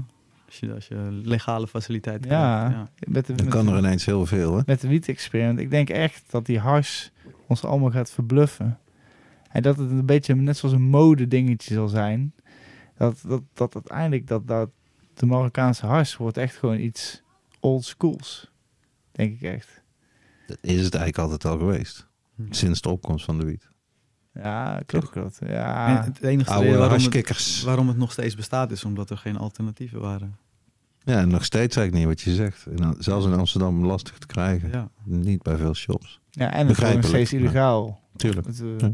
ja. Dat is wel een dingetje natuurlijk. Terwijl het eigenlijk, je hebt, je hebt gewoon de puurheid van de plant heb je. Je hebt al de smaak en geurstoffen en de werkzame stoffen. Maar ik, En- ik voorzie dus ook een wereldwijde markt. Ik vind het heel fijn, zo'n klein wiet-experiment. En dat we denken dat we in Nederland eh, het allemaal moeten aanpakken. Maar eigenlijk moet dit wereldwijd aangepakt worden. We willen producten ook van de andere kant. Van, ik wil geen bananen uit Nederland. Dus ik wil ook gewoon wiet uit eh, Californië. En ik wil ook Ja, gewoon wiet uit, eh, Brazilië. uit Peru. Ja, precies. Colombia. Ja, Dat wil ik ook zien. Ik wil ook hash uit Marokko. Dat wil ik ook. Fair trade. We zeggen het nog Juist. maar een keer. Juist. Uit al die landen. Nepal, Afghanistan. Waarom, waarom wij niet? Weet je wel, als cannabis. Kom op Erdogan. Turkije. Kan Let's ook kijken go. hoe je hash maken. Ja. Uiteindelijk go, ja. zou het wel echt, dat zou uiteindelijk de, de ultieme, ultieme Precies. zijn. Dat vind ik ook. Precies. Ja. Ik wil nog steeds, eh, nog steeds verder gaan met- jouw uh, Dab Square eh, trui. Ja. Ik zie dat de laatste tijd overal voorbij komen. Dat doe je Ja. hartstikke goed. En dat is Het ziet er ook natuurlijk vet jouw- uit, man. Ja, het is, het is jouw, ook jouw specialiteit ook met grafisch vormgeven. Ik denk dat je het zelf hebt gemaakt. Ja, klopt. Ja, dat is mooi. Dan kun je snel eh, schakelen. Ja, toch? Hoe is het eh, ontstaan? Of Wat is het precies? Ja, ik... eh, wat ik dus net al de hele tijd zeg, ik zie dus dat de toekomst richting extracten gaat. En ik wil graag ook in die, in, in, in die markt iets kunnen doen. En ik zie in Amerika heel veel verschillende producten. En ik denk dat we dat in Europa ook moeten hebben. Ehm, niet alleen maar producten die we gebruiken, zoals dab tools of eh, Glas. glas of eh, noem maar zoals, zoals je een grinder hebt, maar ook gewoon kleding. Wat ik net al zei, ik vind denk dat mensen dat er gewoon een cultuur is. Dus ik ben langzaamaan eh bezig om dat ook een beetje te doen, een beetje dab, dab related eh, kleding te doen. 710 culture. 710 culture, Want, precies. Die mag je ook nog even uitleggen. Juist. Mensen kennen natuurlijk 420 waarschijnlijk wel, maar 710 misschien Ja. niet allemaal. Ja, 710 is dan eh, het getal wat we gebruiken voor, eh, voor olie. En waarom is omdat als je 710 op zijn kop bekijkt, dan staat er oil, O-I-L. Indeed. En eh, op, op 710, dat is dus eh 10 juli, Amerikaanse datum, Ook een mooie datum. Lekker Ja, in de zomer. Ja, zeker. is er dan ook, net als 420, eh, is er dan, eh, zijn er overal events voor, eh, voor de oliegebruikers. Hebben die eigenlijk een naam? Moet bijna wel, toch? Deb, eh, Ja, de liefhebbers. dabbers. De Gewoon dabbers. Ja. Ja, ze, ze- de, de heady, heady, Haddies. Heady, als je echt, als je echt eh, helemaal into glass bent en alles, dan noemen ze je een heady boy. Oké, Ja, ja, kijk. Dat zijn de betere termen. ja. Ja, dus ik probeer met Dab Square eh, een beetje die cultuur te brengen, maar ook eh, voor de beginnende dabbers eh, betaalbare, betaalbare accessoires. Dus eigenlijk een beetje de hele setup wat je nodig hebt. Ehm, we hadden het net een beetje over het glas en zo. Vaak is het allemaal heel duur. Ja. Omdat het echt als kunst gezien wordt. Er zijn allemaal mensen die dat met de hand maken in Amerika. En ik wil graag dat mensen die hier beginnen, dat ze toch die grote drempel van, eh, van, van een grote uitgave niet hebben. En dat ze gewoon met, eh, met, ja, met, wat, met wat goedkopere spullen kunnen beginnen. Weet je, goedkopere dab tool. Eh, ik heb kleine dingen als Q-tips die mensen gebruiken om, wat staafjes die mensen gebruiken om schoon te maken. Ehm, doekjes, schoonmaakdoekjes. Dat soort dingen wil ik dan. eh Ja, het is wel mooi. Ik moet zeggen, ik vind de maken. stijl eh, super vet. ja, dankjewel. En ik denk inderdaad wat je zegt, het is gewoon, het is gewoon de toekomst. Het is goed dat je jezelf... het, is, eh, het is zeker een onderdeel ervan. en inderdaad, dat jij die mooie, de- jij hebt er verstand van dat je de mooie producten gewoon eh, verzamelt. En die hier in Nederland uitbrengt. Ik vind wel dope in ieder geval. Eh, ja, ook de toekomst. Ja, ik had het eigenlijk wel, eh, je zegt het eigenlijk zelf. Wil je, wat, hoe, hoe zie jij je, je eigen toekomst? Oeh, lastig man. Ja, ik, ik zou heel graag. eh we hadden het net, hadden het net heel even over eh Heady Headquarters. Dat is dan eh, een eh, glaswinkel slash gallery die, die, eh, die mijn vriend is begonnen, waar ik hem een beetje bij help. En hij probeert dan het glas aan te bieden. Eh, ik zou heel graag eigenlijk een lounge willen hebben. Een vape slash dab lounge. Ja, man. Toch een plek waar mensen samen kunnen komen, eh, kunnen dabben. Niet per se hoeven te dabben, maar vape-friendly. Geen combustion, niet roken, geen verbranding binnen. Eh, lekker No schone, lekker, ja, lekker dat wordt- schone lucht. Dat weet wordt je. het nieuwe ding dan. Ja, ja, wij, ja, dat proberen wij ook wel een beetje erin te krijgen bij mensen. Van stop gewoon lekker met dat roken, joh. dat is helemaal niet nodig.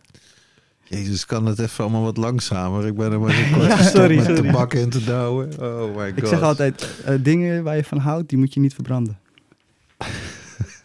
Dat is ook wel een erg goede one-liner, Rune. maar denk jij niet, want dat, eh, dat hebben we hier ook wel eens in een eh, aflevering besproken. Dat oké, eh, dat is beter dan, dan, dan branden, is natuurlijk dit. Maar misschien is het nog beter eten. Want dan Ja. is- komt er helemaal geen hit of niks aan te pas. Ja, absoluut. Zie jij dat dan ook En, weer als eh, een soort eindstation? Of, Liefde gaat door de maag. ja. Ja, het, eh, ik had het net even over dat de butane hash oil goed zou zijn voor het medicinale eh, gebruik. Ik denk dat, eh, dat, ik dat, dat dat ook gebruikt kan worden voor oraal gebruik. Hmm. Dat, is, dat worden nu in, in Amerika worden edibles vaak al gemaakt van, eh, van Ja. extracten. Ja. Omdat het ook heel en ook weer nauwkeurig te doseren is. Ja, omdat het ook ja, schoon, puur en inderdaad nauw, nauwkeurig te doseren is. Ehm, distillaat, cannabis distillaat wordt heel veel gebruikt. Ja. Dus absoluut, ik denk dat dat ook echt een groot onderdeel is. Want eh, roken en vapen zijn toch weer twee dingen waar... eh, dat is toch weer een drempeltje voor mensen. En eh, we zijn... Ja, vergelijken met een gummy of ja, een, een flesje pilletje. uitelwater of zo. Ja, zelfs een capsule, weet je. Lekker, mensen, mensen zijn al gewend om capsules, pillen, vitaminepillen te nemen, dat soort dingen. Het is gewoon een supplement, zo kan je het ook zien. Ja. Nou, ik moet zeggen, voor die... wel een beetje saai wordt het dan, toch? Supplementje, hup, is lekker Ja, door. voor, ieder, voor ieder wat wils. Ja. Ja, oké, moet en-en zijn weer. Ja, ja, Ja. absoluut. Ja, die, die edibles. Ik had toen, eh, ik heb een tijdje geleden had ik toen eh, in Maastricht. Ik reed naar huis en ik had eh, van eh, Hollands eh, Finest. Ja, had ik van hem van die eh runs ropes had gekregen. They weren't kidding. Oh, die zijn sterk, hè? Ja, maar ik, ik had echt, ik heb toen eh, heel, ik, ik, ik heb naast dat ik eh, die snoepjes van jou had gekregen, heb ik bijna, eet, eet ik bijna geen edibles. Dus ik had er verder eh, echt geen idee. En ik was al echt aardig stoned. Ik was al goed, eh, want ik was de hele dag daar lekker zitten roken en eh, zwaar verwend. En uiteindelijk toen ik wegging, zei je, hier, hier, nog een zakje voor jou, moet je maar eens een keer proberen. Helemaal niet over nagedacht. En ik, ik reed naar huis. Ik dacht, een beetje, een beetje honger, weet je wel, een beetje vreedkick. Oh, nee, nee, nee. Ja, en ik zie dus die zakjes liggen en denk, ah, toch wel zo. Ik denk, wat, wat kunnen die dingen mee maken, weet je wel. Maar ja, die dingen zijn dus 600 milligram of zo, eh, had ik daarna gelezen. En, Is dat, eh, Ja, echt. Nou, echt. Daar gaat er nogal op. Ik, eh, na 20 minuten of zo, ik dacht echt op een gegeven moment, Dat zijn zes coffeeshop cakes. echt waar? Ja. Oké, Al- Als die, als die echt goed gedoseerd zijn, dan zou, zou dat zes cake- cakejes in de coffeeshop zijn. zo. Heb je hem wel even langs de weg stil? Nee, nee, nee, ik reed eh, redelijk goed naar huis. Alleen ik merkte pas dat ik thuis ik echt dacht van... Dit is, ik ben, ik, ik kon bijna nog in mijn ogen ook niet open houden. Ik was Ja. zo stoned. Uiteindelijk eh, ben ik nog even een filmpje gaan kijken, ben ik naar bed gegaan. Maar het ergste nog wat, ik werd dus wakker. En ik had, ik had gewoon nog steeds rode ogen. Ja. Dat heb ik nog nooit gehad, dat ik wakker word, dat ik dan nog steeds stoned ben, weet je. Je laat me wel eigenlijk iets beseffen, want eh, dat is wel een probleem met oraal gebruik. Dat elk lichaam dat wel echt anders, Ja, ja. eh, anders aanpakt. Oh, En dan toch het zo. vertragingseffect, hè? Ja, Vergeleken met... toch door je eh, eigen lichaam omgezet moet worden. ja, dat is, En kijk, afhankelijk van, eh, nou ja, we hadden het al over, wanneer je gegeten hebt, wat je Edibles is heel gevaarlijk ook al, Ja. vind ik. Ik bedoel, Ja. mensen kunnen daar ook het snelst bed op gaan, denk ik. Mhm. Omdat, net zoals ik, ik bedoel, ik had dan redelijk wel ervaring en zo, en wat eh, tolerantie. Maar inderdaad, als je dat niet hebt en je eet gewoon zo... Want het is, dat zakje is ook super lekker. Die Ja. snoepjes, ja, ik, ik begon te eten en ik denk, wow, die zijn lekker. Dus ik heb gewoon alles eh, zonder eh, na te denken opgegeten. Ja, als je dan eh, gewoon als... ja, het is... En, het is- en het is heel relatief. Hè. Je hebt het entourage effect. Als jij het met chocola neemt, of als jij het met suiker neemt, met zo'n snoepje. Het, het heeft weer allemaal een ander effect. ja, maar Ja, ja, Het is heel tricky. Het is echt heel lastig om dat eh, Ah. op één lijn te krijgen. Omdat Het is in ieder geval wel eh, zeer interessant. En eh, ja, we, gaan, eh, we, ga- we houden jou sowieso in de gaten. Yes. En ik denk ook inderdaad voor alle liefhebbers die ooit een keer, een, een eerste keer Debbe wil proberen. Zoek Runa op op Instagram, want die zullen we ook wel linken. Maar die gast heeft honderdduizend keer meer volgers dan ons. Dus jullie zullen hem wel eerder hebben gevonden. Want jij, ik moet zeggen, ook qua Instagram. Ja. Jij bent wel echt, je doet het wel echt, eh Ja, ik, ik, je doet het wel goed man. Daarom het woord promoten. Ik probeer het echt te promoten. Ik probeer echt elke dag eh, iets te laten zien als het aankomt op dabben. Ja, want, eh, ja, ja, want daar wilde ik eigenlijk ook nog wel. Ik wil, wil eigenlijk sowieso nog trouwens, ik wil nog wel meer dingen. Voordat, het wordt gewoon, sorry voor de mensen, maar dan moet je maar gewoon een paar dagen luisteren. Een XL En episode. ex- extra kan gewoon eh, doen gewoon. Jij bent ook zeer vervent met de One Wheel. Sorry. Oh ja, man. Kun je Ja. daar eens, want ik, ik, ik, ik word er wel stiekem heel, maar toch ben, je, ben ik best wel bang voor dat ding. Maar eh, Ja. The One Wheel. Oh man, dat is Ik heb een- hem wel, ik heb jou in actie eh, mogen zien. Ja, het is een elektrisch skateboard Wat een ding. met één wiel in het midden. Dus een, een zelfbalancerend eh, bord. Ehm, ontworpen in, in Amerika en eh, heel populair daar.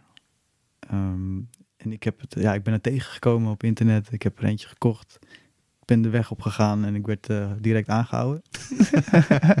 en die agent zei tegen mij, dat mag helemaal niet in Nederland. Dus ehm, toen kwam ik, eh, ben ik een beetje gaan googlen. kwam ik erachter dat er een hele beweging was in Nederland die dit probeert te legaliseren. Ehm, en dat begrijp ik ook wel. Het is zo, zo een vet, eh, vet ding. En ehm, behalve dat het heel leuk is, is het ook gewoon heel nuttig. Ik, ik ga er echt overal mee heen, door de hele stad. Het, het scheelt me zoveel geld. Ehm, neemt geen ruimte in beslag. neemt, neemt geen ruimte in beslag. Je kan het in de bus, trein, eh whatever, kan je het makkelijk meenemen. Ja, en het is heel tof. Het voelt alsof je aan het snowboarden bent. Voor de mensen die, die, die- ja, alsof je aan het snowboarden bent op het asfalt, op de weg. Het ziet er, ik moet zeggen, eh, ik, zou, ik, ben, ik, ben, ik, ik heb heel mijn leven geskateboard. En het Ja. ziet er zo ontspannen en cruisend uit als jij de, die Dat- filmpjes ook van jou. Dat is het Dat echt... eh, ja, ik ben zo'n Instagram-nerd, weet je. Ik zit af en toe van die stories te kijken. En eh, jij bent een vervente poster. Ja, man. En eh, altijd die filmpjes dat jij aan het cruisen bent, dat is altijd wel, dat is altijd wel mooi. Ik denk, ik denk altijd, jongen, ik zou nooit zo met mijn camera durven te rijden, Ja. weet je wel. Omdat ik veel te bang ben dat ik op mijn bakkers ga. Maar Ik, ik, ik behandel Instagram ook als mijn eigen tv-show. Ik heb elke dag een, een kleine tv-show in mijn story, weet je. Dat probeer ik echt te doen, gewoon iets te laten zien. El dedication, eh, man. ja man, daar gaat heel veel tijd in zitten man. Zo. Ja, Absoluut. Ik heb het zelf ook wel eens geprobeerd, maar ik ben er echt totaal eh, niet goed in. Maar ik vind het leuk, ik vind het leuk. Ja, ah, dat zie je ook wel. Dat vind ik, eh, het dus eh, iedereen volg hem op Instagram. En ten tweede, hoe in godsnaam ben je op jouw naam gekomen? Mijn naam is Runa. Ik heet Runa. Dat is gewoon, eh, dat is mijn geboortenaam. En Het is gewoon, eh, gewoon simpel als dat. Ja, gewoon. Ja, ik had, ik had, eh, had een page waar ik wat, wat wiet-gerelateerde dingen op eh postte. En ik ben toen aan de slag gegaan voor uh, Vaporshop. Mensen kennen misschien Vaporshop wel. En eh, daar zei iemand tegen mij, weet je wat je zou moeten doen? Maak een aparte page voor, eh, voor je vaporizing eh, content. En, eh, want ik was toen een beetje in de vape-wereld aan het raken. Ik had heel veel verschillende vaporizers om uit te proberen. En toen heb ik twee pagina's gemaakt. Eentje Runa Vape en eentje Runa Buds. Omdat ik op Runa Buds eh, foto's van wiet liet zien en eh, een beetje coffeeshop eh, reviews deed, weet je. En die naam is gewoon blijven hangen, man. Ja, het is gewoon zo sterk. Ja, heel veel mensen grappen nu van, eh, ja, je moet eigenlijk nu Runa Dabs of Ja, zeker. Runa Terps ervan maken, weet je wel. klopt het niet meer. Ja, ja, ja. Maar ja, het is nu die naam die blijft hangen. Ja, die Runa Buds, die is goed. Die is hartstikke goed. Ja. Ik, in aansluiting van deze rubriek hebben we ook onze luisteraars, je hebt hem zelf ook gedeeld, wat eh, de kans gegeven om vragen te stellen. En ik moet zeggen, er zijn eh, zeer wat vragen binnengekomen. En eh, oh ja, inderdaad, sorry, inderdaad Dirk, ik ben blij dat je, dat je er bent. We gaan naar, Kikken die jingle. naar reacties van luisteraars. Ja, en inderdaad, eh, via Instagram hebben mensen vragen in kunnen stellen. Ik ga ze niet allemaal opnoemen, maar er zijn er wel een paar leuke bij. Bijvoorbeeld, eh, iemand zei, eh, en dat besef ik nu pas, please do it in English. We want to hear. That is a bit now maybe uh, too late. two hours into the show. Ja, wie weet over een paar jaar, dan doen we nog eentje in het Engels. Um, For sure. Maybe with Tom next time. Ja, bijvoorbeeld. ja Tom, eh, want hij, is, hij komt uit Engeland, hè? Ja, ja. Ja, dus die moeten we, die moeten we sowieso in het Engels doen. Maar hebben, we, leuk. hebben we een winnaar? Nou, ik, ik heb wel, eh, ik ga, er zijn echt een stuk of tien binnengekomen. Ik denk dat, ehm, ik denk dat deze, deze heeft er twee. Dus dat is ook wel leuk. Dan hebben we meer, eh, of trouwens, eh, maar die zegt, het van eh, Old Farmer 420. Ik denk misschien, hebben we, ik, ik, ik ken hem een beetje. Upcoming Extract Talents. Oh, hele goede vraag. Hele goede vraag. Ja, toch? Ja, Voor toch Want we, hebben het, we hebben het telkens over Amerika, maar er gebeurt hier in Amerika, of hier in Europa heel veel goeds. Ehm, op dit moment in Spanje zie ik heel veel ehm extractors aan, aan de slag. En eh, om er maar even een paar te noemen, La Sagrada Farms, Slide 23, die overigens Masters of Rosin heeft gewonnen, eerste plek. Ehm Swabian Extracts, Knusper. Dit zijn een, eh, een aantal mensen die in Spanje bezig zijn en hele goede dingen doen. En waar we echt, eh, echt een oogje op moeten houden. Ik denk dat er echt heel veel moois van gaat komen, ja. Grappig dat toch wel ook de meeste uit Spanje gewoon komen. Hè? Ja. Zijn er Nederlanders ook die hier... eh, Grappig of ja we hebben natuurlijk, Ja. we hebben Extractor. eh, ah, inderdaad. Ook een goede vriend van mij. Vriend van de show. ja, ja, ja, die heel mooie dingen hier in Nederland doet. Ook half in Spanje. Ehm, ja, absoluut. Ook in de gaten houden. Het is goed dat je dat even zegt. Toch? eh, ja, ja. En, en dat is ook op zich ook een zeer interessante vraag. Ook van Old Farmer 420. Ja, ja, ja, precies. En what, what kind of terps is he looking for in rosin? Wat, ja, ik wat krijg zijn deze smaken? vraag het meeste. Ik krijg altijd de vraag, wat vind jij het lekkerst? Of wat, zo- waar ben je naar op zoek? En om deze hele podcast goed samen te vatten naar the next best thing. Ik wil altijd wat ik nog niet heb gehad. Ehm, als ik iets zie wat ik nog nooit heb geprobeerd, dan wil ik dat hebben. Ehm, op dit moment geniet ik heel erg van fruitige turps. Eh, banana, papaya, melon, dat soort dingen. Maar ik ben altijd op zoek naar, eh, naar iets wat ik nog niet heb gehad. Ah.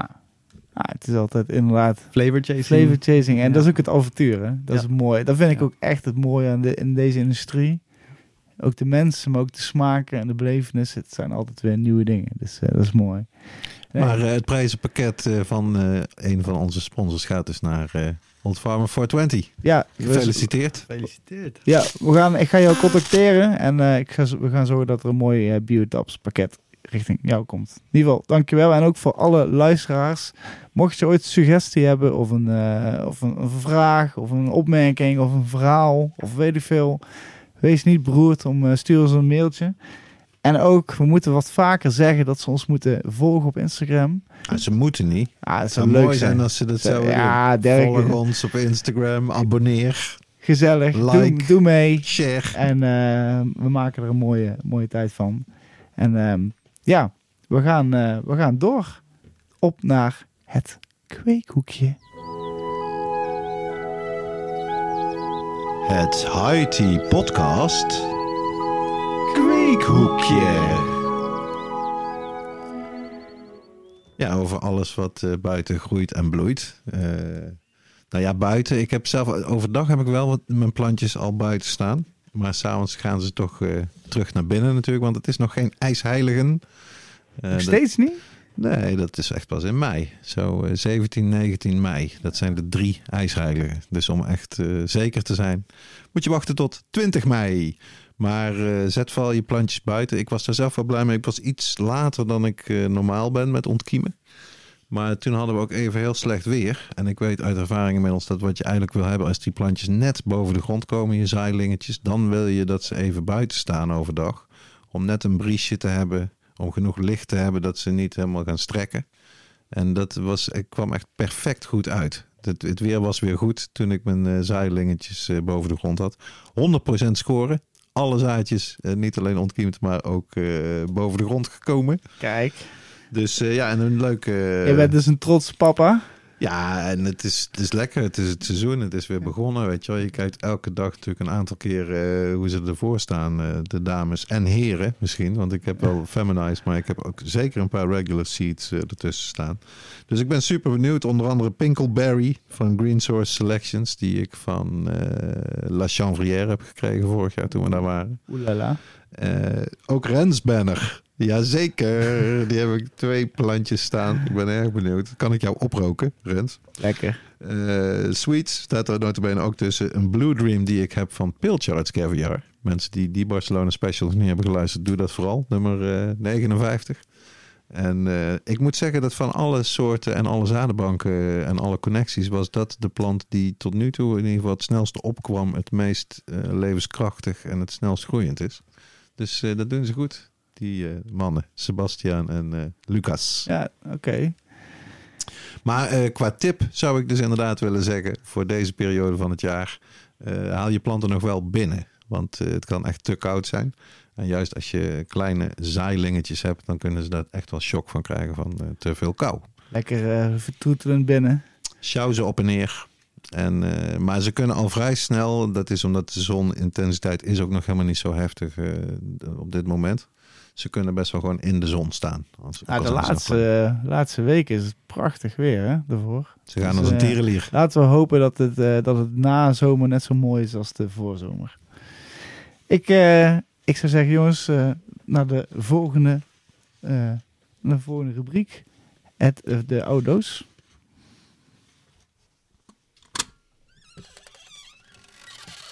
We, we openen hem maar.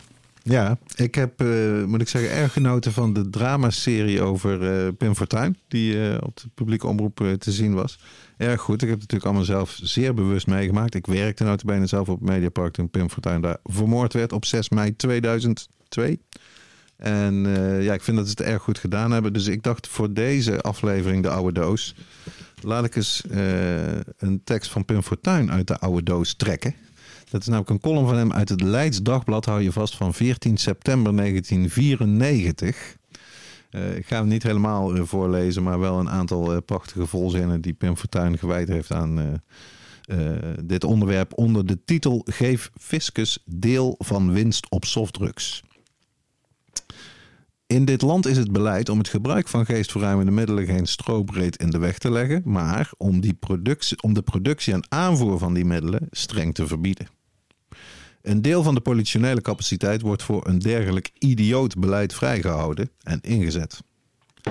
De zelf af en toe een sticky rokende overheidsdienaar wordt ingezet voor de achtervolging van transporteurs, producenten en groothandelaren.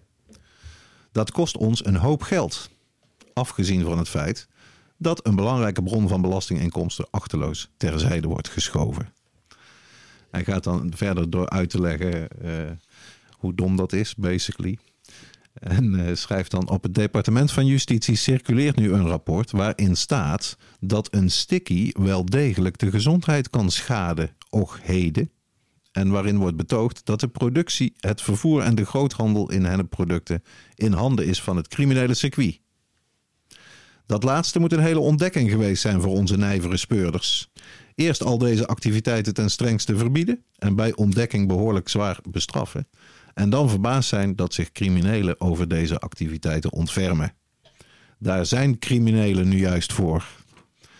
1994, hè? Het was toen al zo blatantly duidelijk wat er aan de hand was, in ieder geval voor Pim Fortuyn. En uiteindelijk uh, eindigt hij dan deze column. Hij is na te lezen op de VOC-website. We zullen een linkje in de show notes uh, zetten met het alternatief. Beter is om de hele handel in één keer te legaliseren, zodat de godvrezende tuinder in alle vroegte zijn hennepcultuur kan verzorgen, de degelijke groothandelaar de waar kan verhandelen en onze nationale trots het vrachtvervoer de klus van de distributie kan klaren. Achter dit geheel hobbelt dan onze fiscus aan, die op elk punt in het traject even zijn hand ophoudt. Aardig voor minister Zalm van Financiën en behulpzaam bij het oplossen van de begrotingsperikelen van het kabinet Kok. Als tegenprestatie zie ik dan graag een actievere keuringsdienst van waren, die erop toeziet dat de geleverde producten van onberispelijke kwaliteit zijn. Amen, zou ja, ik zeggen. serieus. Dat uh, waren al letterlijk de wijze woorden, Dirk. In feite wel, hè? Van Maar, Pim. eh, nu we toch zover zijn, ben je er klaar voor? Jazeker, ik heb nog een, een hele korte wijze woorden.